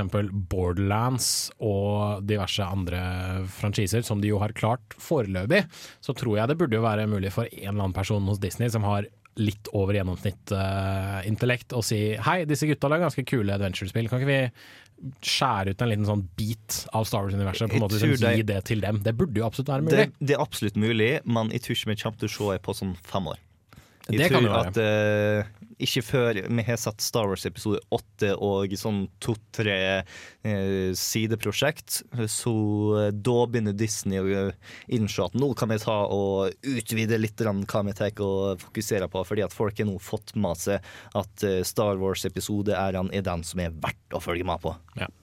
Eh, men eh, har du, eh, eller noen andre for så vidt, vært innom disse flyve, ikke flyvespillene, men selvfølgelig Rogue simuleringsspillene, Squadron. og selvfølgelig da selvfølgelig Rogue Squadron-spillene i Star Wars. For jeg husker å ha spilt veldig mye Rogue Squadron på Nintendo 64. Eh, spesielt hos en kompis av meg som hadde låst opp en V-ving, hvis jeg ikke husker helt feil som var så whoop-ass uh, freeve-greie i Star Wars at den hadde uh, rapid fire-våpen, så du kunne liksom bare sitte og hamre løs på laserknappen og bare. Og så hadde den selvfølgelig uh, missiler som, var, som søkte seg inn mot nærmeste mål, uansett liksom, når du skjøt. Så du kunne liksom bare sitte og trykke på missilknappen i tillegg. Da. Det var selvfølgelig et skip du fikk veldig sent i spillet, men å da plukke det opp og liksom kjøre det helt tilbake på første nivå igjen, det var herlig. Eh, også I tillegg så kunne du bytte den ut med en sånn eh, en flyvende Cadillac som en sånn glitch-juksekode. Hvis du trykka på start, så frøy spillet. Oi. Ja. Lærte jeg, da. Nei, Level 5 var noen fantastiske utviklinger. Altså, de hadde så masse artig med Rogue Squadron. Var det level f ja. Nei, Det var- Factor 5. Factor 5, beklager. Level 5 er selvfølgelig De de er som utvikla Japan. Ja, Så som så, annerledes, så annerledes verden har blitt. Sånn feil med at du trykker på start når du har unlocka noen ting. Det hadde vært krise i dag. Det hadde vært sånn herre Nei, for et drittspill. Ja, det, var en sånn, det, var en sånn juks, det var en sånn juksekode, den der Ja, bilen. ja. da Og med en gang du trykka på start, så Men det er faktisk et godt poeng på den tida der, når du ga ut cartridges. Det er ikke noe sånn bug fixes eller Nei, nei, det Nei, måtte nei. Funke. ikke. Det Det måtte måtte bare Ja, ja, ja, ja. funke. Så jeg får en feil å overse òg. Ja, ja, det er eventuelt gl- glitch-kulturen. Mm. Og i dag så har du ikke tatt og unlocka den, du har lasta ned via DLC. And that's a feature that is å kunne hoppe gjennom der. Ja, ja, ja. Glitch is a feature. Men uh, ja, Rogue Squadron var en awesome serie. Jeg spilte, all, jeg spilte kun sånn fem minutter av det på Nintendo 64. Men jeg hadde veldig masse artig med de to på GameCube. Spesielt det tredje spillet, Rogue Leader, som har Det var toeren. Ja, Rogue Leader hva var Rebel Strike er treeren. Og eh, der så inkluderte de faktisk Rogue Leader Ma i spillet, bare i coop-modus. Så jeg og broren min har det veldig masse artig med å spille det. Problemet er at det var dritvanskelig. Vi kom oss aldri forbi Ah. Bespin. Vi prøvde sånn dag etter dag. Sånn, Kom an, Jørn, og spille med coop. Aldri Bespin. Det er kvalitetstid med familien.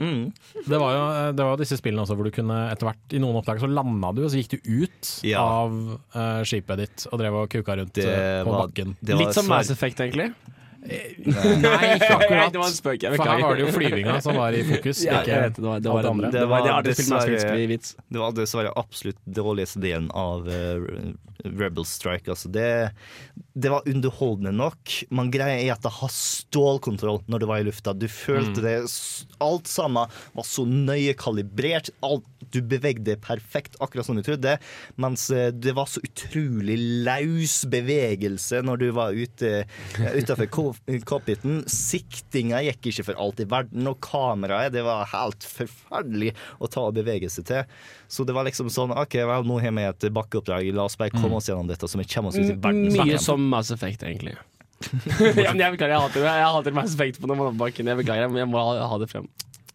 Jeg har Men eh, spilt Battlefront Har 2 du- hadde det, har- Battlefront har du 2 spilt hadde det Mass Effect, motsatte problemet, Ja. vil jeg si. I Battlefront 2 så var det Space Battles, og der du løp rundt på bakken og skjøt. Ja. Kjempebra. Det funka helt 100% Men da du var ute i verdensrommet og skulle fly, funka ikke i det hele tatt. Absolutt. Jeg, jeg spilte aldri Battlefront 2 da det kom ut første gangen, men jeg kjøpte det i romjula fordi at eh, jeg har gått glipp av det. Satte meg i cockpiten og bare sånn Holy shit, dette fungerer ikke i det hele tatt. This is the liksom, du skulle starte liksom, i landingshangaren til et jævla skip og skulle liksom fly ut. Du kunne krasje på veien ut hvis du var så dårlig nok. Eh, Beklager, Hanna, vi avbrøt deg. Hva var det du skulle si i stad? Jeg har spilt Star Nei, men det så kom jeg på. Det er ikke Star Wars. Hva da? Det er eh, Star Fox. Star Fox! Jeg var i ferd med å nevne det i sted. Det Never spillet mind. jeg spilte, var Star Sorry. Fox. Men det er jo litt Star, Star, det er jo litt Star Wars over Star Fox, da. Ja, det er jo det, med, Med med, med, ting som flyr og og- lasers og sånn. Nå er jeg Med vet du. Nå sånn. er jeg med. Det føles som du prøver å liksom. Nei. Han er et flyspill som jeg veldig ofte har tenkt jeg har veldig lyst til å prøve det spillet, er TIE Fighter. Mm. For det kom tilbake på midten av 90-tallet, da du har nødt til å ha joystick for å kunne spille det. Og eh, jeg så en gameplay-video av det nå nylig og fant ut at eh, Tron faktisk var en viktig del av det Oi, spillet. fett. For i TIE Fighter så er du en TIE Fighter-pilot. Du jobber for imperiet.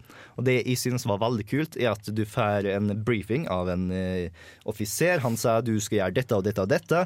Og så kommer det en kar i sånn dark cloak som stand står i skyggen og bare sånn Du. Keiseren har kommet og sagt til meg at du skal ta og passe på at denne karen her, han eh, skal dø. Han er riktignok på vår side, men han har tatt og snusa litt for masse på denne makten, så han skal ta og Det skal skje en ulykke med han. Og det var Thron? Nei, nei, Ah, det, det var en utsant av keiseren. Eh, hva tråden jeg spiller, skal ikke si for sikkert, men jeg regner med at han er en av de som eh, er ikke helt på linje med keiseren. Potensielt. Hvem Potensielt. vet? Hvem vet. Eh, det er også en av de tingene jeg har hatt lyst til å teste ut, men nå er det jo, jeg tror i hvert fall, helt umulig å få spilt dem, med mindre du piratkopierer dem, selvfølgelig. Og det Ja. gjør vi ikke. Vi støtter ikke piratkopiering her i Kontroll til litt. Bare så det er sagt. Uh, Det er mulig å få det på CD-rom fra internettet, og muligens spille gjennom DOS-boks eller noe Ja, sånt. det som det er nå. Det finnes sikkert antakeligvis også DOSBox-forhandlere, altså du kan kjøpe spillet ned nedlastbart. Uh, det, Good Kanskje, Games kanskje. er et sånt et, men dessverre så har LucasArts vært helt elendig Ja, på å bruke ja, det gamle biblioteket sitt. Fordi at greia med LucasArts, det er så synd at de Uff, det er en trist historie. Fordi LucasArts de har en god periode. De har en god periode, en periode på 90-tallet, da de var verdensmestere i pek og klikk. Og så kom Star Wars episode 1, og de tok og endra seg totalt. Nå er Star Wars som gjelder, og de fikk noen fantastiske utviklere til å jobbe på noen fantastiske spill. Og så skjedde det en periode på sånn sju år hvor de Du har ikke en sjef som satt lenger enn to år. Stemmer. Det kom en ny kar, og så bare sånn OK, Issa kan gamle karen prøve det på. Nå skal vi gjøre det andre. Vi skal gjøre forandringer. Ja. Bremskbord, dette prosjektet er nå, det liker jeg ikke. Bort med det, bort med det, bort med det. Og det bare datt sammen, og ja. Det var en sjef de hadde som heter Daryl Rodriguez, som på et tidspunkt stoppa uh, utviklingen av alle spill, sånn at de skulle ha en sånn Amnesia Fortnite à la det Double Fine har.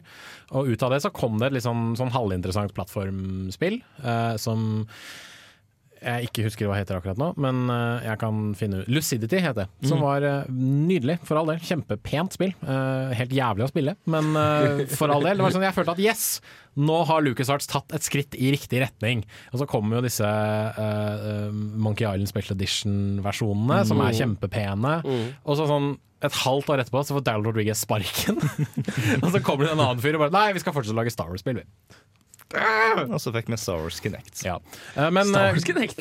eh, apropos Star Wars Connect, noe helt annet. Eh, gode nyheter for de som vil ha f.eks. TIE Fighter eller X-Wing versus TIE Fighter. Eller sånt. Mhm. Hvis du bare går inn på Amazon.com og bare søker opp Starfight, TIE, TIE Fighter i videogames, så er det masse sånn ikke altfor dyre tilbud. På Når du Star Wars det Fighter. betyr det over 100 dollar? Eh, det er en Collectors CD-ROM her som du kan kjøpe for sånn syv dollar. Å ja, det er ikke så verst. Nei, fordi Um, Nintendo 64-spillet koster jo 600-800 kroner om dagen. Og Så er det en annen her da, som er eh, Star Wars TIE Fighter Collectors CD-ROM, som er 80 dollar. 80 dollar, ja. Det er litt verre. Ja, men jeg ser for meg at Det er collectors. Ja, jeg, s- og ikke minst det er bildet av eh, ikke bare Det er ikke bare liksom den, det plastcoveret, det er faktisk den pappesken. For, ikke? Å, pappesken, Husk, husker, du da, husker du da. PC-spill kom i pappesker? Retro hard-on. pappesker. Mitt Porsche, min Need for Speed Porsche 2000 kom Ja, i sånn pappeske. Med instruksjonsmanual. Siders manual. Ja, instruksjonsmanual på størrelse med en fuckings bok. Nå er du heldig hvis du får en instruksjonsmanual som er et ark. Eller en link. Det er en ting som irriterer meg. Jeg har tatt opp før. Men hva skjedde med instruksjonsmanualen? Den er helt forsvunnet. Jeg husker Jeg FIFA kjøper- 99, FIFA 99 lærte jeg meg gjennom instruksjonsboka. Ja, ikke sant? Jeg kjøper et nytt spill fra Nintendo, jeg åpner opp, og jeg får et utbrettbart ark på svensk og dansk. Kanskje finsk. Helst ekstremt liten tekst. Ja, selvfølgelig, det er bare ett ark. På Ja, ja, ja, én ja, ja, ja. side. Mm. Liksom, hva skjedde med spillmanualen som jeg kunne åpne, sitte på bussen på vei hjem og Ja, liksom ja, ja. bla gjennom? Liksom, her er liksom korte sånne biografier av Ja, figurene. ja, selvfølgelig. Her er hva du skal gjøre. Og nå er det sånn, ah. nå er det sånn brusavvisning. Sånn der, ikke putt CD-plata i vaskemaskinen.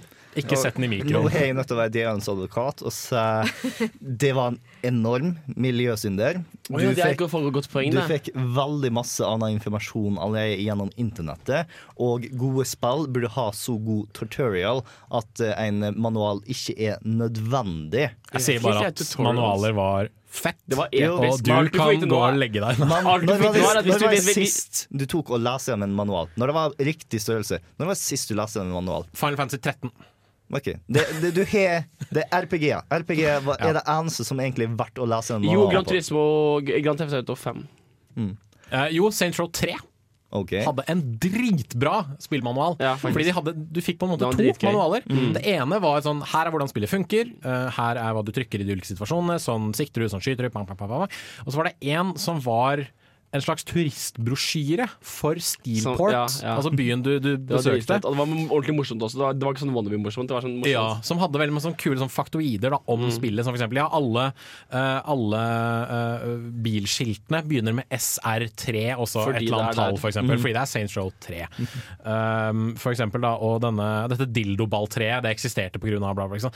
Masse sånne små sånn faktoider da, fra utviklingen av spillet. Og, og og Rockstar har også den greia at det er en, det er en feature at, at, at, at leafleten ja, du får et ordentlig kart med deg. Og, Mm. Mens i dag har er alle spill dag, du, Hvis du tar en saks til, til DVD-platen din, kommer den kanskje ikke til å fungere Ja. lenger i din spiller. Jeg liker det bedre når folk som har en god idé, tenker å lage en skikkelig manual, i stedet for at alle sammen har manualer, fordi at man må ha manualer. Er Du har de som har ordentlig gode ideer. For eksempel Professor Laton 2. Så er det en puzzle som krever at du tar og finner fram manualen, fordi at du har en kopi av togbilletten din der, så du skal ta ut og kult. manipulere for å finne svaret til Det er eh, litt sånn check the back of the CD case, Ja. the frequency, uh, Jo, yes. uh, Metal Gear Solid-typ. Ja. Det er ganske morsomt. Det er det er et DS-spill? Ja, det er et puzzlespill. Mm. Ja, kult. Kule spill, for så vidt. Veldig veldig stilig. spill. Og uh, apropos Professor Layton, det er ikke så veldig lenge til uh, Professor Layton versus Phoenix Wright eh, kommer mm. ut. Det Nå er dere tilbake i kontrollmodus, hører jeg. Det er, hvis, jeg, hvis jeg husker pressemeldingen jeg fikk fra Nintendo før i dag, så kommer det i slutten av februar. Som du også kommer til å få høre på neste kontrollsending, fordi dette er allmenninformasjon, og ikke for Geekstad som har holdt ut nå i én time med podkast. Hei, hei, hei. Det, Du sitter her fortsatt, En Én time med podkast er ingenting. Sitter her fortsatt. Jeg, jeg, jeg vil bare skyte inn siden dette er podkast-timen, og tid til litt digresjoner. Jeg sendte en melding nettopp til en kar som prøver å selge Star Fox Adventures på Finn mm. uh, for 300 kroner. Så tenkte jeg hei! Hvilken Det det? Kjøp, kjøp, kjøp, latterlig, kjøp. For jeg, det er eh, GameCube, uh, og et spill jeg har vært veldig veldig glad i. Kjøp, kjøp. Um, så sender jeg en melding med liksom, Er det fortsatt til salgs, liksom? Og han bare ja, ja. Han sitter og er- venter på e-mailen. Dette, det er bare Star Fox igjen, men dette er ikke spillet. Dette er kun DVD-en. Og det er sånn Hæ? Jeg forstår ikke. Det er kun den bitte lille plata, Og det da? Selges ja, antagelig, da, tenker jeg. Eller hva, hva, det, hva DVD innebærer. Altså at det Ja. ikke er spillet. Mm. Så takk til deg for at du er ærlig, men uh, ærlig deg, talt, altså. så Han sitter ikke og hører på livestreamen internt i Hva radioen vet du? Kanskje han, er, kanskje han sitter her og bare Yes, Ja, jeg ble nevnt på. Sant. Poenget mitt er at spillet går jo bare for latterlig mye penger Mm. uh, om dagen. Eh, og jeg tror ikke spillene vi sitter på i dag, til nyere konsoller, à la Wii osv., kommer til å bli verdt så mye. Nei, uh, og jeg trodde det blir ikke det nådde GameCube heller, men til en viss grad har det nådd GameCube. Det er kanskje noen som gjør det. i- Altså, de som blir gitt ut i begrensa opplag, gjør kanskje det. Ja. Uh, de kommer til Det var et eller annet spill nå nylig som ble sendt ut i veldig små mengder. Jeg tror det var Wonderful 101. Eller. Altså, jeg tror at hvis jeg De sendte ut 30 000 kopier sånn på verdensbasis. Da, jeg tror ikke det holder helt med limited copy. Altså, hvis jeg kjøper Assassin's Creed 4 Black Flag i special limited edition, så kommer ikke den til å være verdt Nei. Altså, Nei i, i, di- digital copy så kommer ikke den til å være Nei, verdt det er fordi at det, det finnes mange millioner av det. Jo, men la oss si at det var fire, fire Men hvis det er et spill som det sendes ut 40 000, fysisk form, 40 000 ja, ja. i fysisk format, Mm. Og så blir kanskje halvparten av dem brukt litt, og så blir de brukt dårlig, og så blir de solgt tilbake. Mm. En pristine kopi av det. Jeg fikk, eh, jeg fikk eh, et tilbud på mitt Banotui-spill her om dagen til Oi. Nintendo 64 Ja. eh, med en kar som ville tilby, tilby meg 900 kroner. Oi. uh, Wow. Og det satt bare ikke i meg å selge han dette spillet, For for, jeg er så penger. hinsides glad i det. Og jeg tror jeg kunne tyna mye mer enn det ut av den som eventuelt ville kjøpe det. Men det sier jo litt. Ja, det sier nei, En mye. kompis av meg fra jobben som går medisin, han har brukt jeg tror 5000 kroner på en, en, en 64-spill siste året. Ja. Ja, de er jo dyre, fordi Ja. de er sjeldne, og fordi de er cartridges, selvfølgelig. Ja. Eh, det var dyrt å lage. Og det, Ja. Det er det er løsningen på piratkopiering. At du bare har et udugelig format på, på spillkartusjene. Hei, sann, ja. Don't give them any ideas. Men beklager. Det var min digresjon, rett. Det er altså. det er faktisk utveien. uh, Star Wars Kinect-board, har du spilt det? Jeg har ikke spilt det, men jeg uh, måtte bare ha det inn når vi skulle ha Star Wars-musikk. Fordi at det Mhm. er et dansemodus i Saras Connect som Å, er herregud. basert på eh, Dance Bob- Central. Boba Fett. Dance Central. eh, med en hel haug med parodier, Star Wars-parodier på populærsanger fra denne tidsalderen her nå. Blant annet Flying Solo, som er I'm Han Solo. Mm. Eh, Eh, det er helt jævlig å høre på.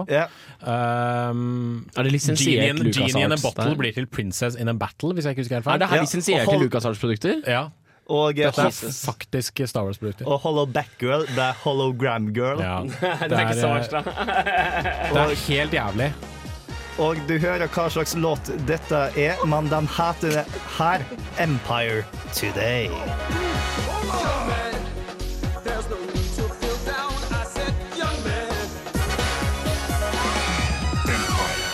Empire Today fra Star Wars Connect. Eh, jeg hater deg litt, Bård, for at du eh, tok fram den der. Men uh, det får så være.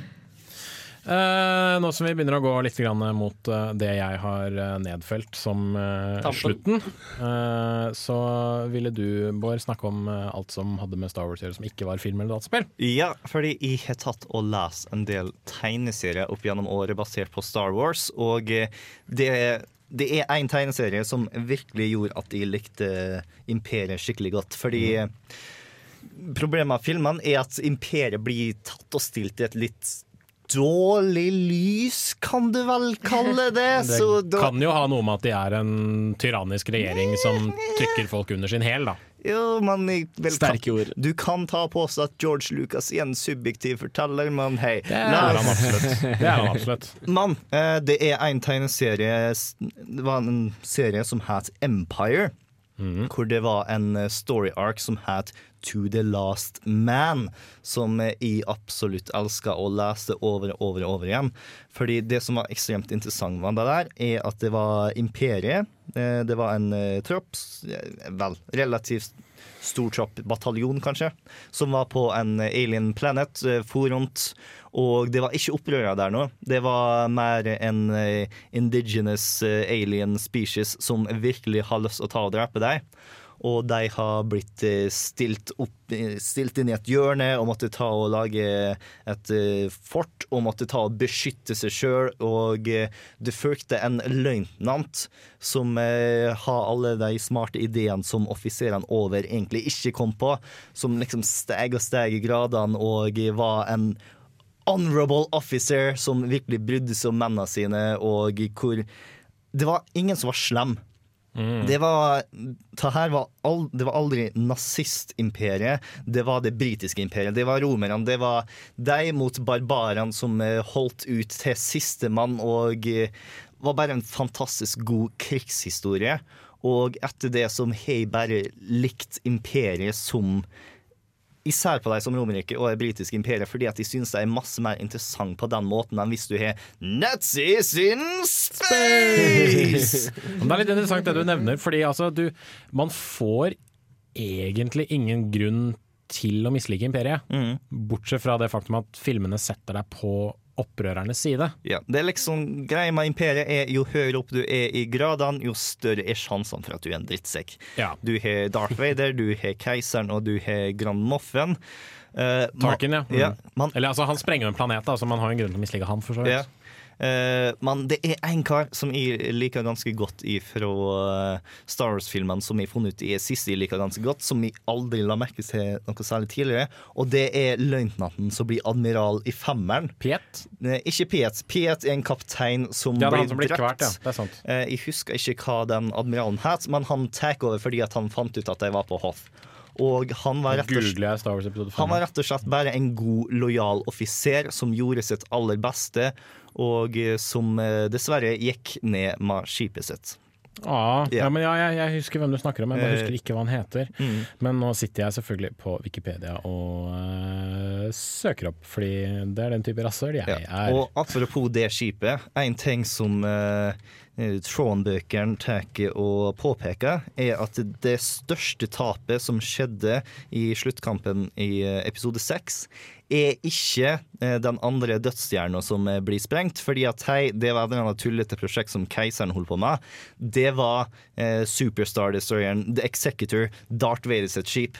Mm. Fordi der eh, for alle de unge og lovefulle offiserene, fordi at du fyker så raskt opp i gradene når du er på det skipet der nå.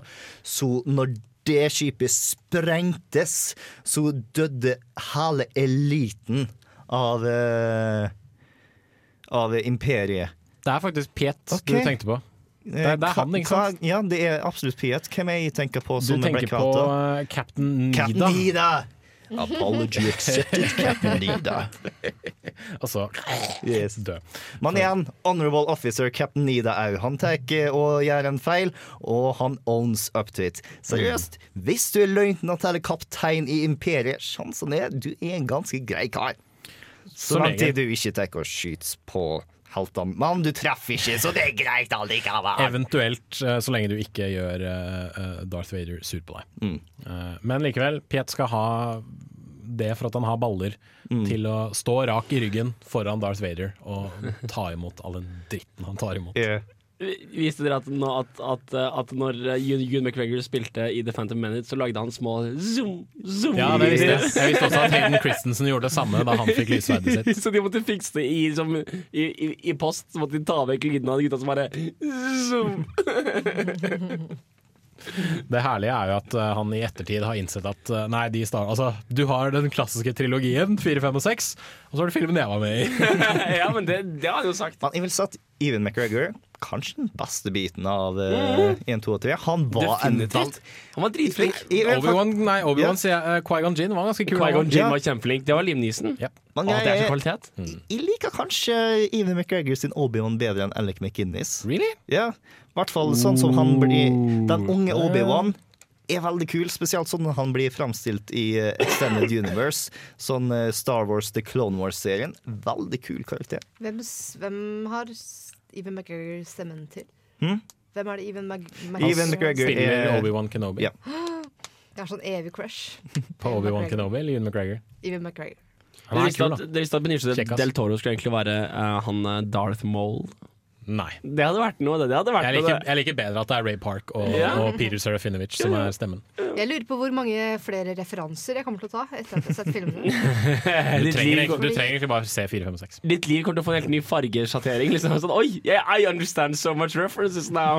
Fordi nå har jeg vært del av verden så lenge uh, med Star Walks Nei, Star Wars. Star Wars! Star Star Wars. Wars-referanser. At jeg føler at jeg selv tar referanser uten å ha sett filmene. Det var litt som da jeg så The Shining første gang, for den så jeg for Mm. første gang for et år siden. Uh, ja ja, brødet, jeg vet det. Jeg studerer film, og så hadde jeg ikke sett The Shining. Men likevel, jeg merka da jeg satt og så Shining, så smalt liksom alle de der Shining-parodiene og referansene jeg har sett opp gjennom årene. De bare sånn pam, pam, pam, pam, pam, pam, smalt på plass etter hverandre. Jeg føler at ja, jeg har sett dette før, men jeg har ikke sett det i den originale konteksten. Og jeg synes det var litt, Mm. det var litt spennende å liksom gå inn i en film fra den kanten, Mm. og liksom ha sett alle parodiene og referansene, og alt mulig sånt, og så bare kunne plukke dem opp. Jeg har samme opplevelsen med Alien, men Ja. det var ikke like positivt, fordi der har jeg sett alle de kule scenene, og så var det bare sånn veldig masse oppbygging i mellomtida som ikke er så spesielt artig. Jeg syns fortsatt Alien er en bedre film enn Aliens. Men det er bare meg. da. Det er ingen Det tvil, da. Herregud. Ja, det strides blant de nerde. Nei, det vet du hva. Jo, det gjør det. Vet du hva? Det strides veldig blant de nerde. Eh, Men vi begynner å gå tom for tid, og neste siste låt som vi skal spille, må liksom startes som bankers på. Vi kan Ja. ikke snakke over noe musikk, fordi vi kan jo selvfølgelig ikke prate over Weird Al. Uh, som har laget en hylle til eh, Star Wars episode 1 som heter. Saga Begins. Lagd for øvrig, hold kjeft, før episode 1 kom ut, og som klarer å forutsi alle sånn plot points fra episode 1 uh, før serien kom ut. Det er synes sånn veldig, veldig bra basert på gjort. traileren, og ja. låta er selvfølgelig American Pie. Ja, uh, parodi på American Pie. Og dere må høre på teksten, for den er så Eh, fin. Hvis du er sånn som meg, så kommer du til å snuble liksom inn og ut av The Saga Begins Nei, og ikke. American Pie. Jeg gjør det hele tiden. Don McLean som synger American Pie, gjør det hele tiden. A long, long time ago, in a galaxy far away, Naboo was under an attack.